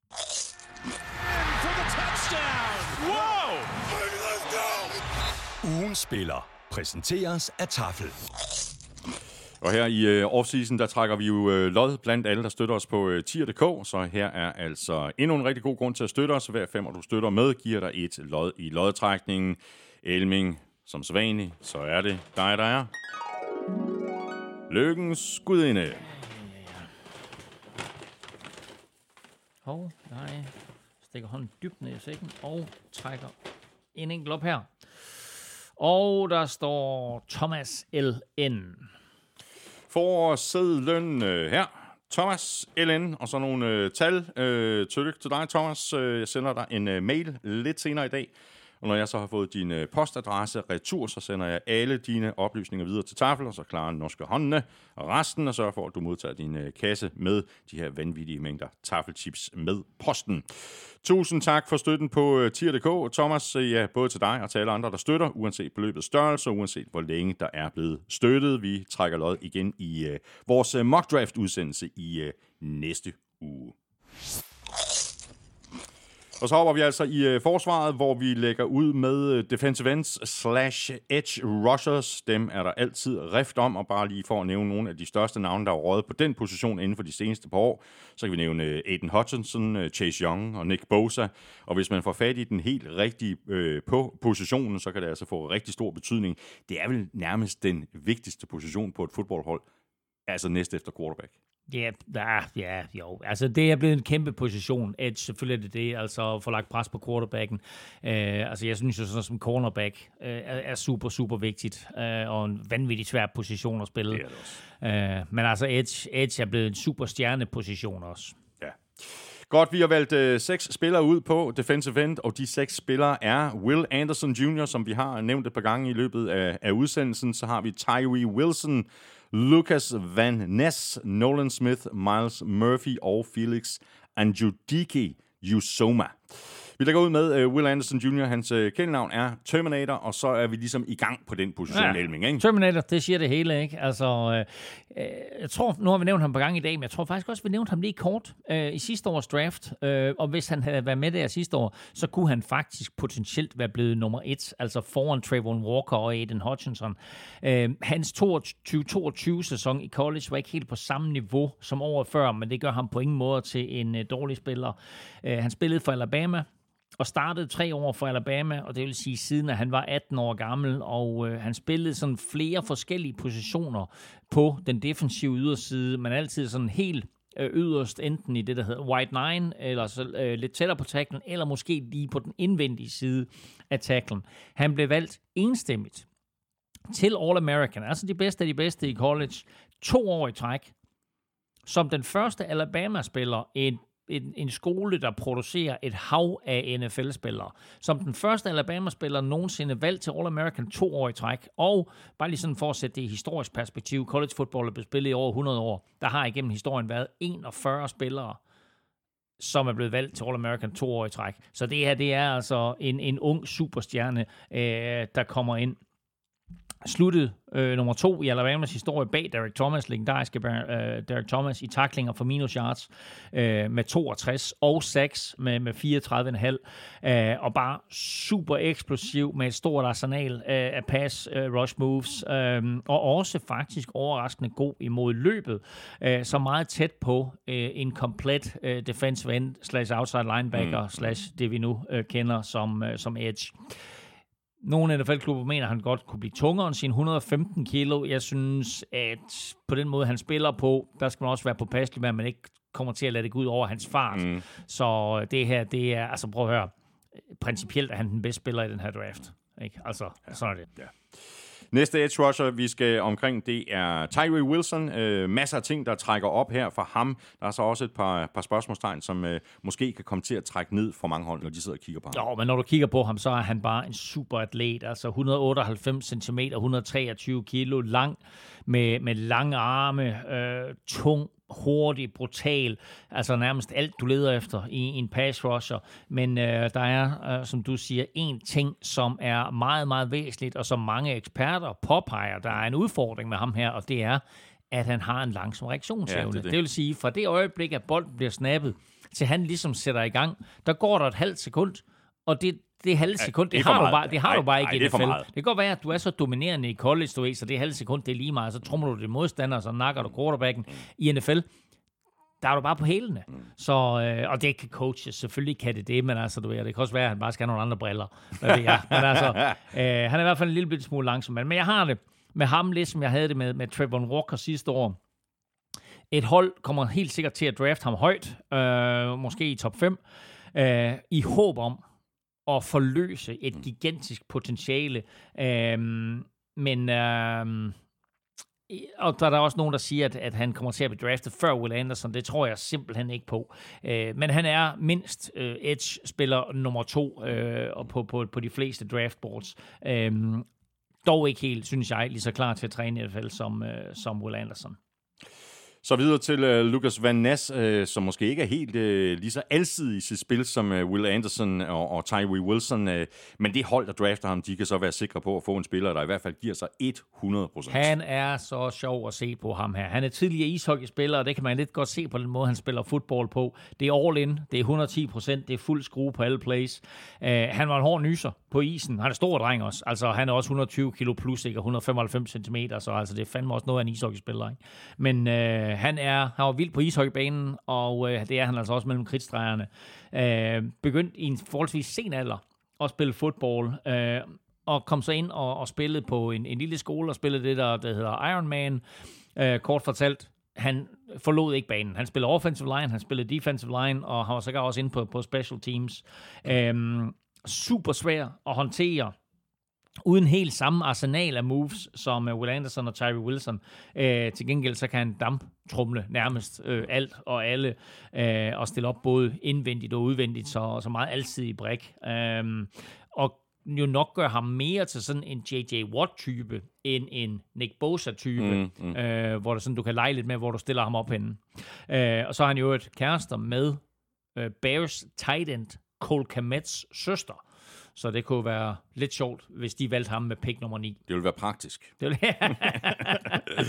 Næste levende billede, det er Nolan Smith, øh, der også kan komme til at gå rigtig højt i draften, og ligesom med Osiris Torrance, øh, som vi talte om på, øh, på offensiven, så har vi også fat i en mønsterbryder her, og han er altså rigtig hurtig for sin størrelse, ikke? Og oh, øh, det er han. Øh, altså fantastisk spiller, Nolan Smith. Øh, og øh, nu var vi inde på, på, på det her med, øh, med, med, med spillere, som har brugt fodbold til at komme ud af trangekår, og det har Nolan Smith øh, altså også. Han får mulighed for at bryde den sociale arv, øh, og det gør han øh, ved, at han for det første kommer til at færdiggøre øh, college, og dermed så bliver han den første Øh, person i hele sin familie, som, øh, som, som får en college-uddannelse. Og samtidig så bliver han så også et øh, første runde pick og uh, kan se frem til sådan 15-20 millioner dollars med en, med en 10-12 stykker i hånden. Uh, og det er life-changing money for ham og for hans familie. Uh, så... Øh, meget af deres fremtid er jo hængt lidt op på, at, sådan at, at, øh, at han, han kommer i NFL nu her, og det er, det er jo så vildt, fordi det, det, altså den type af afhængighed af at klare sig godt i sport, kender vi jo slet ikke i Danmark, mm. men det eksisterer mange, mange steder øh, i USA. Så gik han jo på det her IMG Academy, øh, for at blive bedre inden sin college-dage, og det er der måske nogen, der vil genkende til, fordi det var der Hjalte Froholt, øh, han også gik. Men øh, super hurtigt for, øh, for sin størrelse, øh, kan jagte spil øh, ned bagfra. Øh, og så satte han nogle fuldstændig vanvittige tal til Combine. Han løb 40 yarder på 4,39. Og jeg så lige her til morgen, der så jeg de første 20 yards sat op imod Stefan Dix og DeAndre Hopkins. Og han løber hurtigere end dem på de første 20 yards. Og 40 yarder på 4,39, der er running backs og receiver for en sags skyld, mm, mm. der ikke løber en 40 yarder på 4,39. Så han er en vanvittig atlet, og så skulle han også angiveligt være en god leder, både på banen og i omklædningsrummet, så det her, det er en vild fed spiller, som en NFL-klub øh, kan tilknytte sig. Og jeg ser ham meget som sådan en klassisk øh, defensive end i 3-4 forsvar, og der tænker jeg, at det draftområde, han kommer til at ligge i, det passer lige med Pittsburgh Steelers. Uh, ja, yeah. det kunne være interessant. Så har vi uh, Miles Murphy, uh, meget alsidig spiller, uh, der har spillet uh, samtlige positioner på den defensive linje. Bumstærk, uh, mangler måske stadigvæk lidt i forhold til, uh, til sådan at rushe quarterbacken. Nu skal jeg lige se, fordi jeg har egentlig placeret Miles Murphy under defensive tackles. Men du har, du har valgt at sætte ham der, så skal jeg skal bare lige finde ham, fordi... Uh, Uh, der, ja tak. Har vi ham noteret som tackle, eller hvad? Jeg, jeg, har, jeg har bare som defensive lineman. Øh, og, øh, og, men, altså, men det, det er sjovt, at du har ham der på edge, fordi han er sådan lidt det, man kalder en tweener. Ja, det er han det. er enten defensive tackle, eller defensive end, eller edge. Ikke? Ja. Så men vi kan godt tage ham nu. Øh, 195 cm høj, Miles Murphy. Øh, 122 kilo. flot kombination af, af højde og drøjt. En flot mand. En flot mand. og, øh, og super stærk. Han bænker 180 kilo, og det kan altså ses på banen, hvor han bare fjerner folk øh, eller trumler dem. Meget kraftfulde arme, meget kraftfulde hænder, øh, som han bruger til omgående og overrumple offensive linemen. Og så har han altså også råstyrken til at tage imod double teams, øh, og er super god både imod løb og øh, når, øh, når han skal ind og jagte quarterback, eller når der skal kastes. Så øh, virkelig en dygtig spiller. Spillede 38 kampe i college, og lavede 37 taklinger for minus yards, så man behøver ikke at være den store matematiker for at regne ud, at det er næsten øh, en per kamp. Øh, mangler lidt øh, i nogle facetter af, af sit spil, men det er ikke noget, der ikke kan rettes op på via god coaching. Øh, og så har han stillet op på næsten hele den defensive ja, ja. front, så utrolig alsidig. Øh, og jeg synes, han passer øh, bedst ind som en defensive end i et sådan klassisk 4-3-forsvar. Nå, men så er vi jo enige. Ja, ja, så du kan sige, Edge er ikke helt 4-3. Nej, det er rigtigt. Så, ja. det er rigtigt. Så runder vi uh, defensive ends af med uh, Felix Anjudiki Yusoma, uh, der er uh, sådan kommet lidt ud af ingenting, uh, men som der så er kommet mere og mere fokus på i de seneste par år. Og hans øgenavn er The King. Så, det, det siger det hele. så ved man godt, at han er speciel, ikke? Uh, men altså, uh, Anjudiki Usama her, det er altså en spiller, som er kommet uh, fra at være, altså, ingen anede, hvem han var, eller kendte noget til ham til, at nu kan han gå hen og blive draftet i første runde. Uh, gik ud af high school for, 20, uh, for tre år siden i 2020. På det tidspunkt der var han rangeret som den 114. bedste spiller på Edge. Uh, Siden da, så har han sagt omkring 20 kilo på kroppen, og har stadigvæk bevaret sin hurtighed. Øh, og det betyder, at nu er han pludselig blevet sådan en spiller, som NFL-klubberne gerne vil have. Øh, 116 kilo, 190 cm høj, øh, bliver sådan en, en øh, super god outside pass rusher. Øh, spillet praktisk kun to år i college, øh, men er en fysisk spiller, sådan mere end han er en speed rusher. Øh, men det, jeg har set af ham, det kan jeg virkelig, virkelig godt lide. Har en konstant motor og et hav af pass rush moves, øh, og holder altid øje med quarterbacken, så han kan komme tilbage og lave taklingen, hvis, mm, øh, hvis mm. quarterbacken stikker af. Det var faktisk noget af det, jeg lagde allermest mærke til. Det var, at der var nogle gange sådan, sådan en defensive end eller en edge rusher, kan nogle gange ryge sådan lidt en, en kamp med en offensive tackler, så det går mere ud på at slå ham, end at holde øje med, hvor mm. præcis bolden er, eller quarterbacken er. Og der jeg bare mærke til, at hele tiden, der havde han sådan øjnene på, hvor er quarterbacken, ind og nappe ham. Så læg mærke til Anjudiki Usoma. Felix Anjudiki Usoma. Har du andre uh, defensive ends, uh, som du lige vil uh, nævne, inden vi går videre til tackles? Det vælter med dem. Det gør det nemlig. Altså det her, det er en kæmpe overgang for, for Edge, og derfor så kan vi måske også godt se nogle af de klubber, som har brug for Edge, sige, fint nok, vil godt trade ned fordi de ved, at der er en værdi i at trade ned. De får nogle ekstra picks, men får stadigvæk en god edge senere i draften. Så når de 5-6 store her, de er gået, så har vi BJ Ojolari, som mange vil, måske vil kunne genkende til, fordi det selvfølgelig er Aziz mm. Ojolaris bror. Så har vi Kieran White, der er lidt interessant, fordi til draften, i Kansas City, bliver holdt i Kansas City helt tilfældigt. Det er ikke noget at gøre med, at Chiefs de er Super Bowl-mestre, øh, men det bliver holdt i Kansas City i år. Til den her draft, der er der omkring 20 spillere til stede, som kommer ind og får den her krammer af øh, Roger Goodell. Og lidt overraskende, så har Kian White meldt sig til den øh, seance. Og der er altså en vis sandsynlighed for, at han kommer til at sidde hele torsdag ja. øh, og spille Candy Crush. øh, men der er også nogle mock drafts, hvor jeg så har set ham gå i, i, i første runde. Så altså, øh, læg mærke til Kieran White. Nu vil vi se, om, om det spiller, der får sit navn råbt op mm. på første dagen eller anden dagen. Så har vi en fyr, der hedder Will McDonald, den fjerde, øh, som også er potentielt første runde pick. Jeg tror, han falder til anden dagen. Og så har vi Andre Carter the second. Og ham vil du i hvert fald kunne Ex- genkende til. Exactly. Fordi Andre Carter jo... Gamle far, 49, 49ers legende. Tidligere første runde pick øh, fra, fra 49ers. Så øh, der er 2, 4, 6, 8, der er 10, øh, 9 eller 10 virkelig gode edge-spillere i den her årgang. Så har vi på øh, defensive tackle, der har vi øh, tre spillere noteret, som vi skal kigge øh, nærmere på. Jalen Carter, Brian Brossi og Kalijah Kansi.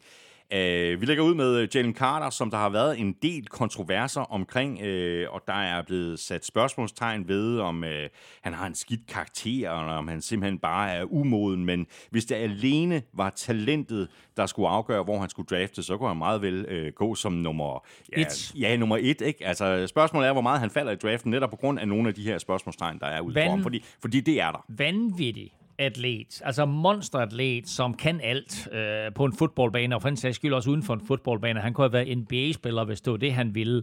Spillet alle positioner som dreng, men faktisk primært angreb, altså running back, tight end, øh, wide receiver, quarterback. Han var faktisk også punter, øh, for at det ikke skal være løgn. Så bliver han rykket over som defensive lineman, øh, som senior i high school, og derfra så gik det amok bænket 160 kilo som 17-årig, og kun blev stærkere siden da, øh, og var for to-tre måneder siden, måske midt i sidste college-sæson, udset til at blive nummer et overall pick. Men så er han blevet overhalet af et, et par quarterbacks og måske et par andre af forskellige årsager. Øh, han fik øh, både en, en knæskade og en ankelskade sidste år, og så har han sådan en dum sag fra januar hængende over hovedet, hvor han var impliceret i noget vanvidskørsel og et biluheld, som endte med at koste, koste to mennesker livet.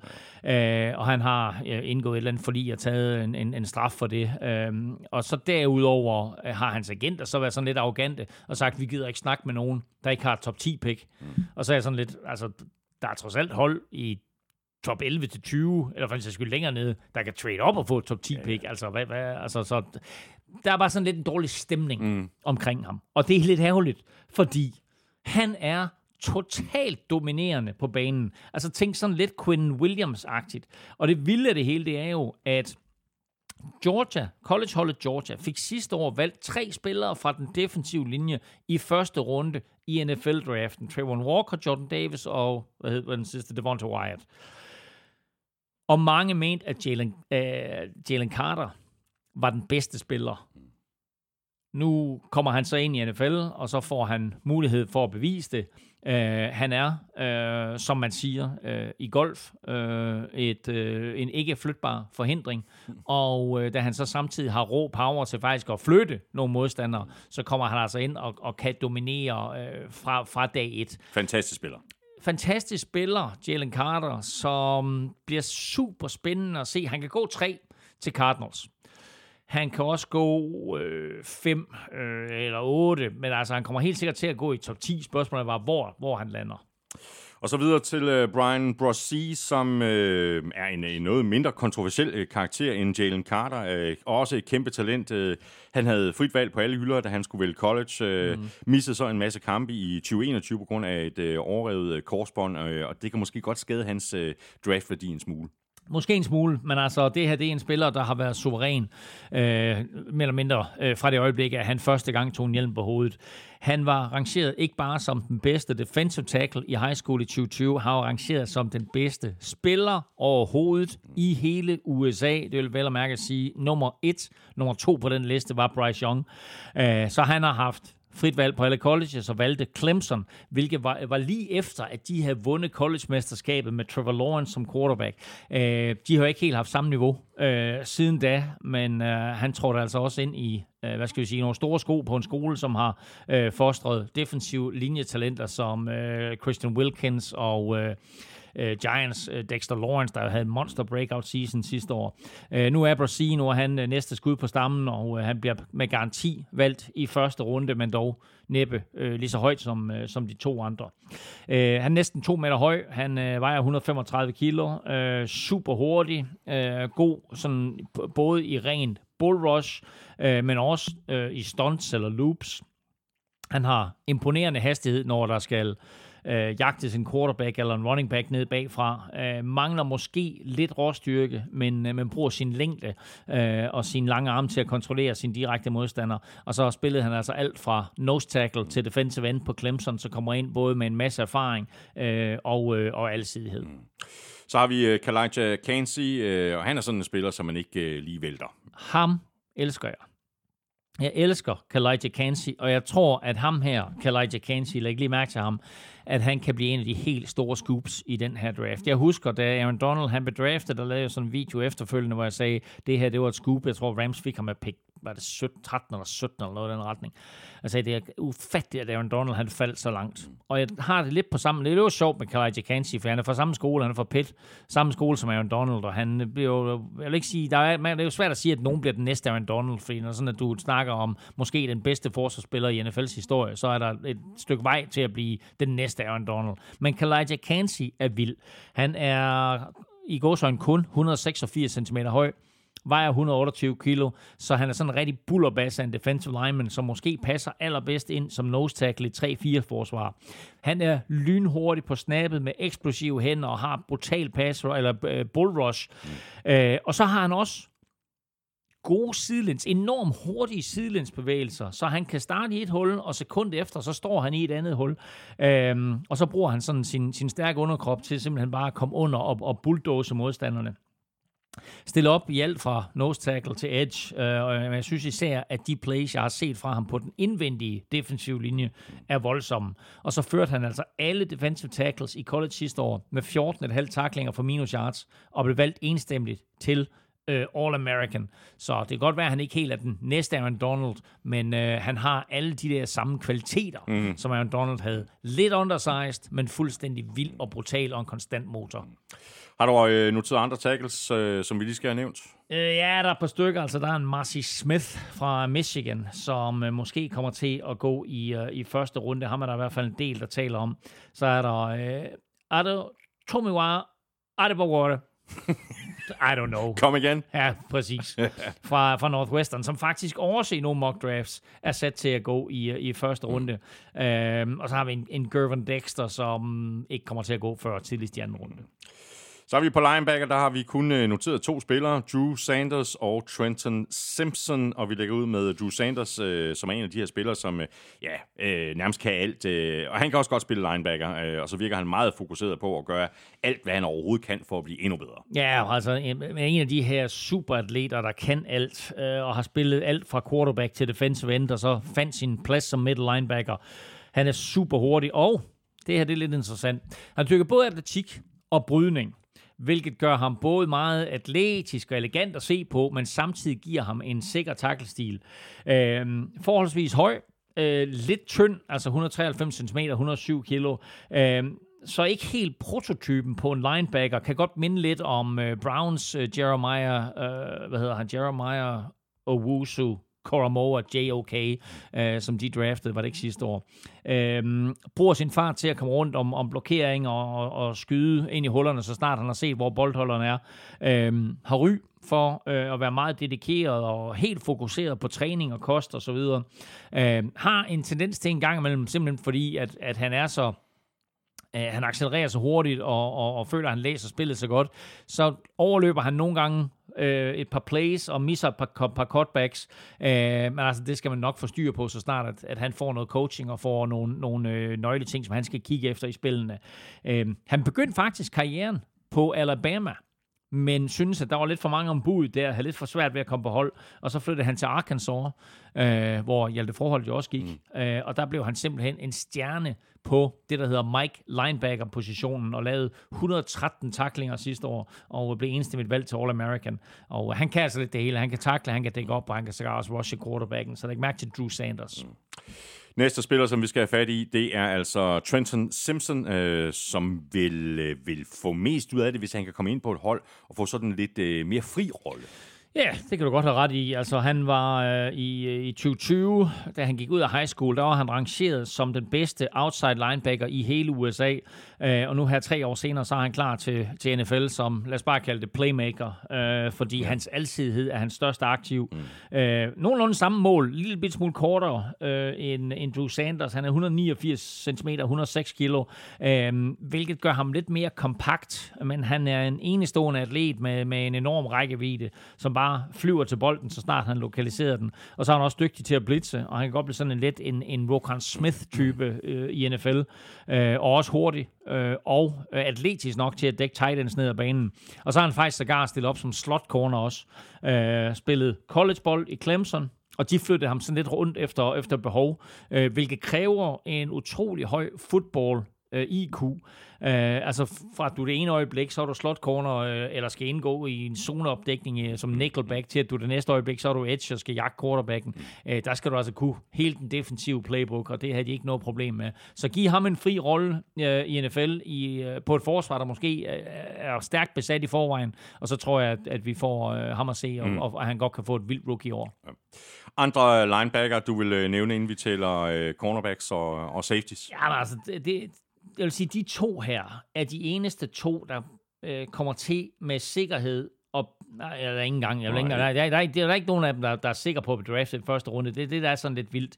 Vi kan se de to her ryge helt ud af første runde, og så ender vi med en, en første runde af draften. Som Men det er jo ikke, og det er jo ikke, fordi de er, de er dårlige spillere. Nej, nej, nej. Det er positionen. Det er position. Altså, fordi ja, ja. det er sådan lidt ligesom running backs, altså linebackers, det er Præcis. sådan lidt running back på forsvaret, ja, ja, ikke? Ja, ja. Altså, der er fokus på edge, og ja. på, på, på, på cornerback, og selvfølgelig også på defensive tackles og linebacker, og, og safety, det er blevet sådan lidt... Mm, Øh, men altså, de to andre, jeg lige vil fremhæve her, det er Dan Henley, og det er Jack Campbell, og så skal jeg lige se, om jeg har andre. Nej, det er de to. Mm. Øh, og de kommer til at gå i, i anden runde, og øh, altså, de her fire her, de kommer til at gå senest i anden runde, alle fire, men det er ikke, fordi der er sådan en særlig stor fokus på linebackers i nej, den her draft. Nej. Så hopper vi øh, ned i den øh, bagerste kæde og ser på øh, cornerbacks og safeties. Cornerbacks først, og lidt ligesom med defensive ends, ja, så er cornerback, og du var også lidt inde på det lidt tidligere, Elming, sådan en position, hvor der virkelig er rift om de bedste af de bedste, fordi afstanden ned til de næstbedste kan være øh, virkelig mm. stor. Vi har noteret fire spillere, der er, øh, der er værd at holde øje med, sådan for alvor, og det er Christian Gonzalez, Devon Witherspoon, Joey Porter Jr. og Deontay Banks. Og øh, vi begynder med Christian Gonzalez, som øh, meget vel øh, kunne blive den første cornerback til at blive taget i draften. Han er lynhurtig, og jeg tror også, han kommer til at starte mere eller mindre fra dag 1 øh, i NFL. Mm. Men det kommer selvfølgelig også an på, hvem der napper ham. Ja, ja helt sikkert. Der, der, der er to cornerbacks, som kommer til at blive draftet. Øh, ikke et og to overall, men altså hvem der lige bliver draftet. Først af de to må vi se. Det er Christian Gonzalez, som vi skal tale om nu, og så David Witherspoon, vi tager bagefter. Men altså Gonzalez Øh, startede jo, som vi også har talt lidt om tidligere, øh, som mange andre øh, dygtige cornerbacks. Så var han bare en topatlet i high school og startede sin øh, karriere som quarterback og spillede Wildcat-angreb øh, faktisk. Øh, men han prøvede også lykken som, øh, som wide receiver, og så var han faktisk også super dygtig som kick returner. Øh, og der kan vi faktisk måske også få ham at se øh, i NFL i år. Og så er han jo et røv hurtigt. Øh, som 17-årig, der løb han en 10-72 på 100 meter. Øh, så nu her, øh, tre år senere, så forestiller mig lidt, at han, han øh, har noget, der minder om verdensklassefart. Øh, det der med at løbe en, en hurtig 100 meter, det er ikke super afgørende for en cornerback, men det er altid dejligt, hvis man lige bliver snydt dybt, at du har farten til at, at gøre op for den fejl, eller måske endda også har farten til at løbe ind over midten og hjælpe en safety, hvis der er en receiver, der er gået fri dybt eller et eller andet. Øhm, han er i øvrigt øh, søster med øh, eller hans søster er gift med, øh, med Cardinals quarterback David Blau, øh, og øh, den her søster, hun hedder Melissa, og hun deltog i OL i Tokyo i 400 meter hæk. Øh, hun er, og han er, høj og atletisk, og draftens bedste i mand til mand, og han har en fantastisk evne til at bevæge sig med øh, wide receiver. Han har sådan en hurtige hofter, der, der skifter retning på et splitsekund. Øh, overlegen atlet, øh, og det er mange af de her cornerbacks, men overlegen atlet, der sjældent begår øh, fejl. Og så har han både et winge, wingefang øh, og en springkraft, der gør ham øh, i stand til at dominere i luftrummet. Mm. Så har vi uh, Devin uh, Witherspoon, uh, er den, uh, han er den næste cornerback, uh, som vi skal zoome ind på. Uh, en lidt mindre cornerback, uh, men han, uh, han giver ikke ved døren. Det gør han ikke. Altså, han er lige 3 cm kortere. Han er 183 cm og 82 kilo. Han er ikke uh, helt så stor, men han er en badass. Uh, coaches elskede ham og kaldte ham for uh, sådan lidt i boksetermer, pund for pund, den hårdeste fyr på holdet. Mm. Super aggressiv, uh, og det udmyndter sig af og til i for mange penalties, som er noget, han skal skære ned på. Men han minder mig meget om Antoine Winfield, uh, både far og søn. Lidt lille, men en terrier, som spiller langt bedre og langt mere fysisk end sin størrelse. Øh, god i opdækning, og kan spille både mand og zone, og kan spille både indvendigt og udvendigt, så hans øh, alsidighed vil også give ham masser af, af spilletid, øh, også som rookie. Øh, og så er han bare super sjov at se på. Altså, han flyver bare til bolden, øh, og er ikke bange for at kaste sin krop ind øh, i, i uh, offensive linemen, der kommer ud for at blokere, eller større running backs, der kommer rundt om hjørnet eller et eller andet. Ikke? Vanvittigt fed at se på. Øhm, og så har han faktisk kun spillet fodbold i, i seks sæsoner, så der er masser mm. af talent at bygge på, og, og øh, sådan lidt, lidt en, en øh, klump modellervoks i hænderne på den rigtige trænerstab, så får de altså en kanonspiller. Kæmpe potentiale. Så har vi et øh, navn her, der måske øh, klinger øh, lidt bekendt. Øh, her har vi nemlig fat i Joey Porter Jr., og så har vores øh, kvikke lyttere øh, nok selv regnet ud, at vi har fat i Sønneke til Joey Porter Senior. Ja, og derfor så er der også mange, der stensikkert forventer, at, øh, at det bliver Pittsburgh Steelers, der tager ham med pick 17, hvis han falder så langt. Øh, Farman spillede 13 sæsoner i NFL, primært for Steelers, øh, som han også vandt Super Bowl 40 med. Nu er han, øh, Joey Porter Senior, der nu er han faktisk coach i XFL, for San Antonio Brahmas. Og det er lidt sjovt, for han er assisterende træner, hvor headcoachen er hans tidligere holdkammerat og MVP Super Bowl 40, Heinz Ward. Stærkt. Øh, nå, nu er det så Sønnekes tid. Øh, Joey Porter Jr. til at shine, og øh, hvor farmand han jo først blev valgt i tredje runde i 1999, så bliver Joey Jr. med statsgaranti valgt i første runde. Øh, ikke helt så talentfuld som de to første cornerbacks, vi lige har talt om, men han er helt igennem solid og øh, burde starte fra dag et. Øh, lang og ranglet øh, med meget, meget lange arme, som NFL jo elsker. Øh, god i mand og presopdækning, øh, og sindssygt god til at få wide receiver til at ryge ud af timingen på deres ruter. Øh, så er han en bedre takler end øh, Christian Gonzalez, som jeg nævnte først, øh, men knap så atletisk. Og så har han også lidt en tendens til at lave for mange penalties, men altså, det er ikke noget, der ikke kan, øh, der ikke kan rettes mm. på. Øhm, han stiller op primært på ydersiden, øh, fordi han er de her 190 cm høj, øh, og er måske det tætteste, vi kommer på en, en Art Christian Gonzalez også, men shutdown corner. Øh, men altså, prøv at høre, sidste år ikke, i college, Joey Porter Jr. sidste år i college i mand-til-mand opdækning. Når han var alene på en øde ø med en receiver, der tillod han 26 grebne bolde for 70 yards. det er en sæson. Ja, det er fuldstændig latterligt. Fjerde cornerback, øh, som vi har valgt ud, det er øh, Deontay Banks. Øh, de fleste er enige om, at øh, han ikke kommer til at gå øh, lige så tidligt som de tre andre, vi lige har talt om, men han er øh, stadigvæk vanvittigt atletisk. Vanvittigt atletisk, og bliver med stor sandsynlighed også et første runde pick. Det er interessant her med de her tre første cornerbacks, vil jeg nævne. Ikke? Altså Christian Gonzalez og øh, Devin Witherspoon og Joey Porter. Det er, at de tre kan reelt set gå i top 10. Ikke? Mm. Og så er der lige pludselig, som du skitserede før, så er der klubber, der sidder og siger, shit, så er vi nødt til at byde ind. Nu skal vi have nogle af de andre cornerbacks. Mm. Vi kan også se, at Joey Porter han går ned til 17, eller, eller at, de, at de falder endnu længere. Men jeg tror bare, at der kan lige pludselig komme run på de her cornerbacks. Og kommer der run på dem, så bliver det næste, det bliver helt sikkert Deontay Banks. Øh, 183 cm, 89 kilo. Så godt bygget, øh, stærk fyr, kunne måske også klare lidt, lidt ekstra centimeter, men det er svært at, at lægge på, medmindre man giver ham lange knopper. Øhm, men der er et lille stykke vej fra ham, og så op til de bedste tre øh, i, den her, øh, i det her års draft. Men altså, han er stærk, og han er muskuløs, og han bruger sin arme til at irritere receiver og ødelægge deres ruter. Øh, og så kan han altså hoppe op og dække rundetårn, hvis det skulle være. Prøv at høre det her. Fra stående 107 cm vertikal spring. Fra stående. Prøv lige at gøre det. Øhm, van... Det siger du forhåbentlig ikke til mig, vel? Jo, jeg vil gerne se dig. Jeg vil gerne se dig. forsøget. Ja, præcis. Nå, øh, og det betyder bare, at han er en vanvittig stærk øh, og eksplosiv underkrop, øh, og øh, har sådan nogle hofter, der smurt i olie, så han vender og drejer på en tallerken og, og lynhurtigt kan justere sin opdækning. Øh, og samtidig så øh, super solid takler.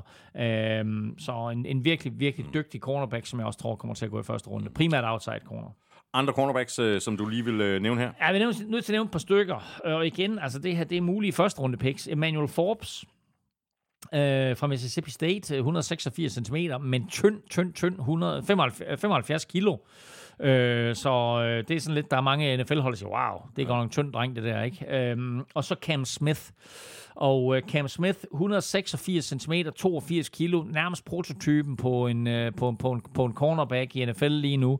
Øh, de to kunne sagtens gå i første runde også. Og så er der lige et spændende navn, og det er Keely Ringo. Der er folk, der elsker Keely Ringo, spillet for Georgia, altså college-mesterne to gange i træk. Der er folk, der elsker ham, og så er der folk, der absolut hader ham. Så det bliver super interessant at se et, hvor bliver Keely Ringo draftet? Mm. Første runde, anden runde, tredje runde, og hvordan bliver hans NFL-karriere? Mm. Vi har så ikke øh, skrevet helt lige så mange safeties op øh, som cornerbacks. Øh, vi har faktisk kun øh, noteret en enkelt, og det er der en øh, god grund til. Øh, det er ikke den største safety-årgang øh, i år, i hvert fald ikke, hvis vi øh, ser på spillere, der kan gå i første runde. Men øh, spilleren, vi har noteret, er Brian Branch, og han kan sådan øh, lidt af det hele, en meget alsidig spiller, og med til at øh, trække op for ham i forhold til de her øh, hold, der overvejer at tage ham tidligt i draften, at han for eksempel også kan spille special teams. Han kan det hele. Jeg elsker Brian Branch. Altså, nu har vi nævnt et hav af spillere her, og har man lyst til at se lidt mere til dem, så ligger der jo masser af YouTube øh, sådan, øh, compilations med, med alle deres bedste spil, og prøv lige at gå ind og tjekke Brian Branch. Han er så fed. Øh, super god spiller, som øh, i, i high school jo bare spillede alt. Ikke? Altså, coaches kunne ikke tage ham af banen, fordi de vidste godt, at det var et dårligt mandskab, når han ikke var på banen. Så han spillede både angreb og forsvar og special teams. Øh, som senior, altså sit sidste år i high school, der lavede han seks interceptions, og fremtvang tre fumbles. Samtidig så greb han som receiver 61 bolde for 1100 yards og 14 touchdowns, så han er meget alsidig og ubetinget den her drafts bedste safety. Og som du lige sagde, dem er der altså ikke så mange af øh, i år. Super hurtige fødder, læser spillet godt og hurtigt til at skifte retning, så han er altid i nærheden af bolden. Han er betegnet som safety, men han kan sagtens spille mand til mand og kan også bruges som slot corner, så øh, han skal nok få masser af spilletid øh, i NFL i år. Øh, han er også en sikker takler øh, imod løbespillet øh, og har en fortid som, som strong safety, så øh, der er simpelthen ingen grund til, at, at han ikke skulle øh, kunne komme ind og sætte sit aftryk på et NFL-hold fra, fra første fløjt. Andre øh, safeties, du vil nævne, øh, og som det kan være værd at holde øje med, og som altså med al sandsynlighed ikke går hen og bliver draftet i, i første runde, altså men, der, men alligevel. Ja, altså der, der er en fyr, der hedder J.L. Skinner øh, fra Boise State. Øh, han kommer til at gå i anden runde. Så har vi en fyr, der hedder Antonio Johnson fra Texas A&M, som også kommer til at gå i anden runde. Og dernæst, så synes jeg faktisk, det er tvivlsomt, om vi, øh, om vi ikke kommer hen i tredje runde, før vi ser mm. de næste. Og det er Quay Martin Jair Brown og Jordan Battle. Mm. Ikke dårlige spillere på nogen måde, men bare ikke spillere, som kommer Nej. til at blande sig helt op i toppen af draften. Kicker og ponder, Elming, uh, they are people too. Uh, vi skal nok ikke forvente, og de skal nok ikke forvente, at de får deres uh, navn råbt op uh, i, de, uh, i de første runder. Uh, har du kigget på nogen, uh, som vi skal omkring her? Ja, altså, jeg vil sige, der er maks tre eller fire kicker og ponder, der bliver draftet. Uh, kicker-position, lad os lige tage ponder først, fordi ponder, der har vi to, Uh, den ene det er Bryce Behringer uh, fra Michigan State, og uh, Michigan State har jo før fået draftet en kicker, der hedder Morten Andersen. Mm. Uh, nu kan de altså få draftet en punter her. Og så Adam Korsak uh, fra, fra Rutgers. Det er fint nok. De skal nok komme ind, og de skal også nok uh, få et hold og få spilletid og blive NFL. Ikke nødvendigvis stjerner, men trods alt få, få uh, en, en karriere i NFL. Så har vi kickerne. Der har vi Jake Moody fra Michigan. Han bliver helt sikkert draftet. Så har vi Chad Ryland fra Maryland. Han bliver måske draftet. Og så har vi Anders Carlson fra Auburn. Det er ikke sikkert, at han bliver draftet, men han skal nok få chancen, ja, ja. fordi det er Daniel Carlsons mm. bror. Og med den succes, som Daniel Carlson han har fået, efter at Vikings draftede ham, og han var en katastrofe for Vikings, skifter til Raiders, og nu måske faktisk er den bedste kicker i NFL, der ikke hedder Justin Tucker, så kommer Anders Carlson ind her, og der er holdt at sige, ham der, ham skal vi lige tage chancen på. Og med det, så er vi altså kommet øh, igennem de spillere, som vi havde valgt ud, øh, og det betyder altså ikke, øh, nu siger jeg lige igen, at der er nogen garanti for, at de alle sammen bliver draftet i første runde, eller at der er spillere, som vi ikke har nævnt, der ender med at blive draftet højt, og måske allerede i første runde. Hvis der er noget, der er uforudsigeligt, så er det draften. De enkelte holds øh, big boards er jo alle sammen forskellige, øh, og vi har jo heller ikke adgang til de her oplysninger, som, øh, som de her scouts og GM's har adgang til, altså for eksempel medical oplysninger, oplysninger omkring deres karakter og, og, og, så videre. Så øhm, altså, øh, nu, nu skal vi lave vores mock draft i, i næste uge, Elming, og jeg har set den ene crazy mock draft efter den anden, mm men der er en draft, der altid overgår de her crazy mock draft. Det er den rigtige mock draft, fordi der er altid et eller andet, der er der stikker helt af. Den rigtige, hvad mener du med den rigtige mock draft? Nej, den rigtige draft. Nå, altså, den rigtige draft, den ja. Rigtige, altså selve draften Nå, ja, ja, ja, ja. er jo mere crazy Præcis. end den mest crazy mock draft. Ikke? Også fordi den rigtige draft, ikke? det er så svært i en mock draft at forudse handler. Og der vil jo ja, komme handler. Præcis. Ikke? Altså, så det er jo fuldstændig umuligt at forudse. Og så snart der er en handel, mm. så kommer den jo til at få indflydelse på, hvordan alle andre hold de reagerer. Så øh, det, det, bliver, det bliver utrolig vanskeligt øh, at, at forudse helt præcist. Og der bliver det vanskeligt bare at forudse, hvem der bliver draftet nummer et. Ja. Du har allerede lavet øh, din øh, første øh, mock draft, som Correct. ligger på øh, gul klud. Yes. Øh, smed du den op i går, eller hvad? Ja, søndag, tror jeg. Okay. Ja, jeg var, jeg Er, var, er, du, jeg, er du tilfreds med den? Øh, ja, det synes jeg. Det synes jeg. Øh, jeg synes, øh, som jeg lidt skitserede i starten af udsendelsen, så er det ikke noget problem at vælge sådan de første 20 spillere. Men derefter så begynder, altså, så må man sige, okay, hvem er det lige, der skal hvor hen og sådan noget, ikke? Men derefter så begynder der faktisk en masse spillere at blande sig, hvor man sådan kigger lidt på, okay, altså, hvem, hvem kan presse sig vej ind i første runde, og hvem har jeg med nu her i min første, jeg kommer til at lave en mock draft mere, hvem, hvem har jeg med nu her i min første mock, som ikke finder vej til, til første runde i min anden mock, så det er, det, altså jeg glæder mig vanvittigt meget, og det er, det er på- det her tidspunkt året, præcis der vi kommer til, at nu begynder man sådan at få indtryk af alle de her spillere, ja, og alle de tendenser, som de forskellige hold har, øh, og så som du altid plejer at kalde det, lying season, ikke? Altså, at der er så mange løsrygter og, og så, Helt meget, vildt, ikke? så meget røgslør fra, ja. fra alle mulige ja. hold, ikke? Vi laver øh, vores øh, mock draft i næste uge.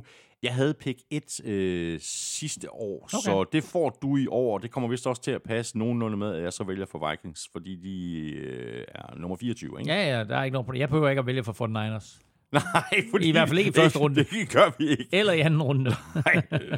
Nej, det er nede i bunden af tredje ja. runde, ja. Det går nok øh, fuldstændig crazy. Nå, jamen, øh, jeg glæder mig til vores øh, mock draft. Øh, det skal nok blive sjovt. Øh, det plejer det i hvert fald at, at være.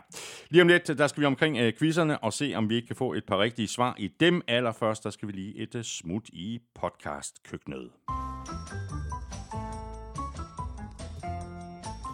Og det skal vi i øh, selskab med vores øh, gode venner fra Hello Fresh, verdens førende leverandør af måltidskasser pakket med friske råvarer, leveret lige til døren og super nemt at gå til.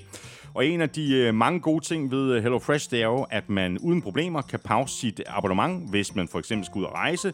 Du har lige været smut i øh, Malaysia, Elming. Jeg tog på den her lille roadtrip til øh, Tyskland med fruen i påsken. Og på vej hjem, der gik vi lige ind og genaktiverede abonnementet, så timede vi det helt perfekt.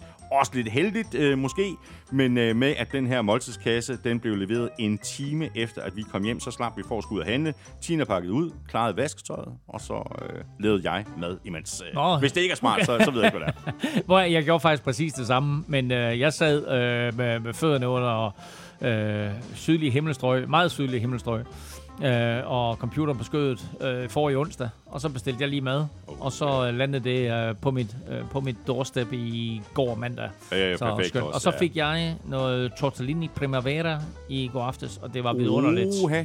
Den øh, kiggede jeg faktisk på. Ja. Vi fik øh, stik sej med øh, purløgs øh, sovs. Den tror jeg faktisk, jeg har bestilt. Med noget kartoffelmos ja. og Ja. noget Ja. hvidløg. og. Ja, den, Ja. har du, den har du bestilt, Ja. den kan du godt glæde dig Og til. ved du, hvad jeg også gjorde for første gang? Nej. Jeg bestilte faktisk sådan en frugtpakke, og det er fandme smart. Ja, det er nemlig smart. Ja. Er du røget desserterne endnu? Nej, ikke nu. Nej. Ej, jeg holder mig for det men, men det kommer på et eller andet tidspunkt. De ser gode ud. Ja, Jeg har ikke set det. Jeg har ikke nærstuderet dem. Jeg ved bare, at øh, det der med lige at få sådan en øh, frisk frugt ind, du i pærer, æbler, blommer, Ja, er øh, også appelsiner. Super lækkert. Ja, der er også supper. Har du set det? Der kommer supper Ja, jeg, også. jeg har set det. Det er vanvittigt. Ja, det er vanvittigt. Kæmpe udbud. Ja, uh, ja uh, der er altså uh, masser af gode grunde til at blive kunde hos uh, Hello Fresh. Uh, det er nemt, det er bekvemt. Du slipper for en uh, hulens masse ture i supermarkedet, og du skal heller ikke selv uh, døje med at skulle finde på, hvad der skal på bordet til aftensmaden. Der er 23 forskellige retter at vælge mellem hver eneste uge. Alle retter er perfekt doseret til det antal personer, man har bestilt til, så er der heller ikke noget madspild. Og så er der altså noget for enhver smag. Masser af vegetarretter, masser af retter med fisk, masser af retter beregnet til børnefamilier, og så er der de der retter, som øh, folk, der er travlt, eller som bare ikke gider stå og lave mad længere end højst nødvendigt, er glade for. Nogle af dem, de kan overstås på sådan lige omkring en 20-25 minutter, og det er jo det er dem, du, du meget går efter, er det ikke? Jo, jo, det er så dejligt. Dejligt nemt lige øh, også øh, nu her. Nu er cykelsæsonen for alvor gået i gang for mig, så er det altså rart lige at komme hjem og bare lige lave et hurtigt måltid, efter man er ude og, og trampe i pedalerne. Så øh, hvis øh, du ikke allerede er kunde hos øh, HelloFresh, så kan du blive det i en fart, og du kan ovenikøbet spare en øh, masse penge øh, på dine øh, første fem måltidskasser, helt op til 1.153 kroner, og det kan du, hvis du bruger koden NFL23 på hellofresh.dk. Koden gælder også for tidligere kunder, som har opsagt deres abonnement for mindst tre måneder siden. Du binder dig ikke til noget, du kan altid melde fra igen, eller holde pause, hvis du for eksempel skal ud og rejse, eller hvis du simpelthen bare har andre madplaner. HelloFresh.dk er adressen. Brug koden NFL23 og få helt op til 1.153 kroner i rabat på dine fem første måltidskasser. Vi skal have quizzen! Oh. Det er tid til quiz, quiz, quiz, quiz, quiz. Nå, Elming. Ja. Øh, er det mig, der svarer på dit øh, spørgsmål først? Det kan du godt. Ja. Øh, kort, det at være sådan? Det tror jeg. kort, kort, kort fortalt. 2019, Joe Burrow, vandt Heisman Trophy-afstemningen ja. som årets bedste college-spiller. Yes. Hvem blev nummer to? Øhm, Justin Fields. Det er fuldstændig ikke korrekt. Ikke korrekt. Han blev nummer tre. Nå. Oh, jeg var sikker på, at det var Justin Fields. Ja. Men Justin Fields blev nummer tre. Ohio State. Det var tre quarterbacks. Ja. Det var Burrow etter, ham jeg leder efter toer, og så Justin Fields treer. Er der sket noget her på det seneste? Ja, men det jeg skulle lige til at sige, det er, er, er, han, ved, er, han, ved, er han ved muffen? Er han ved muffen, eller hvad? det er han kommet. Han kommet det seneste døgns tid. Det var så det Jalen Hurts. Det er rigtigt. Jalen Hurts startede sin college-karriere for Alabama, bliver bænket. Tua Tagovailoa kommer ind og overtager. Jalen Hurts skifter til Oklahoma. Mm. Og øh, så øh, er det gået stærkt derfra. Ja, det skal jeg godt nok lige love for. Så var der øh, mit uh, spørgsmål nummer to til dig. Uh, det var uh, det nemme spørgsmål. Uh, Ja. ja. det var jo efter, at du uh, svarede lidt elegant på det udfordrende spørgsmål til at starte med i udsendelsen. Ja. Øh, 2008, Jake Long blev draftet etter. Øh, hvem er de andre, siger du? Så er det uh, Carson Palmer Ja. ja. og uh, Mario Williams Ja. og Calvin Johnson. Ja. Carson Palmer, kan det passe, han var etter i 2003? Nej, 1999. Uh, Jeg har ikke årstallet, men uh, Nej, han okay. er i der. Ja, etter. Ja, ja. Øhm, og Mario Williams, det var det år med Reggie Bush. Ja. Øh, han var også etter. Øh, så det korrekte svar her er Calvin Johnson. Han var toer. Men hvem blev etter det ja, år? kan du huske det? Der er, var nogen, der ærger sig. Især dem, øh, der øh, traf valget Jeg kan ikke huske, om at drafte. hvem var det? Et af de største busts. Jamarcus Russell. Præcis, det er det i år. Jamarcus Russell, det er rigtigt. Okay. Ja, okay. Og, øh, det gik ikke godt. Nej, men det gjorde det med kvisten. ja, præcis. Godt, jamen øh, tak for det, Elming. Fornøjelse. Tak i lige måde. Øh, vi kommer øh, sådan lige, lige omkring øh, to timer, men det er Hold også her, op. vi plejer at, at, at ligge Ja, med det er den også her langt. Der udsendelse. var Ja, mange, det- mange det- spillere, vi lige skulle igennem. Ja. Og også tak til dig, fordi du lyttede med. Øh, hvis du synes som øh, det, vi laver, så stik os lige en øh, anmeldelse et af de steder, det er muligt, for eksempel i Apple Podcast eller i Spotify, og gerne en af dem med fem store stjerner. Det er faktisk ved at være et stykke tid siden, vi har fået en anmeldelse sidst, så giv os lige sådan en, hvis du har et minut i, i overskud. Du kan også støtte os ved at handle lidt i shoppen på nflshow.dk-shop. Du kan også bare trykke på linket øverst på nflshow.dk. Det ligger lige ved siden af linket til øh, tier.dk, hvor du kan støtte os med et øh, valgfrit beløb. Det skulle du tage at gøre, så er du nemlig med til at sikre dig, at vi kan blive ved med at lave NFL-showet. Du binder dig ikke til noget, og du kan altid melde fra i, øh, igen. Sådan er det også med øh, Hello HelloFresh. Her binder du dig heller ikke til noget. Husk øh, tilbuddet, som du altså kan slå til på øh, lige nu på hellofresh.dk. Hvis du bruger vores kode NFL23, så kan du spare helt op til 1.153 kroner på dine fem første måltidskasser. Og tilbuddet gælder altså både, hvis du er ny kunde, eller hvis du er tidligere kunde, der har opsagt dit abonnement for mindst tre måneder siden. Øhm, tak til øh, HelloFresh for at være med os i dag, og et øh, kæmpe stort tak også til vores øh, gode venner og faste samarbejdspartnere fra Tafel og Otted fra Danske Licensspil. Husk at støtte dem, de støtter nemlig os, og i øh, forhold til Otted... Husk, at man skal være minimum 18 år og spille med omtanke. Har du brug for hjælp til spilafhængighed, så kontakt Spillemyndighedens hjælpelinje Stop Spillet eller udluk dig via Rufus. Regler og vilkår gælder. Vi er tilbage igen i næste uge. Hvis du vil i kontakt med os inden da, så kan du øh, fange os på Twitter, Facebook og Instagram, og du er selvfølgelig også altid velkommen til at sende os en øh, mail på mailsnablag.nflshowet.dk. Følg Elming på Twitter på snablag NFLming. Mig kan du følge på snablag Thomas Kvartrup. Det var alt for i dag. Tak for nu.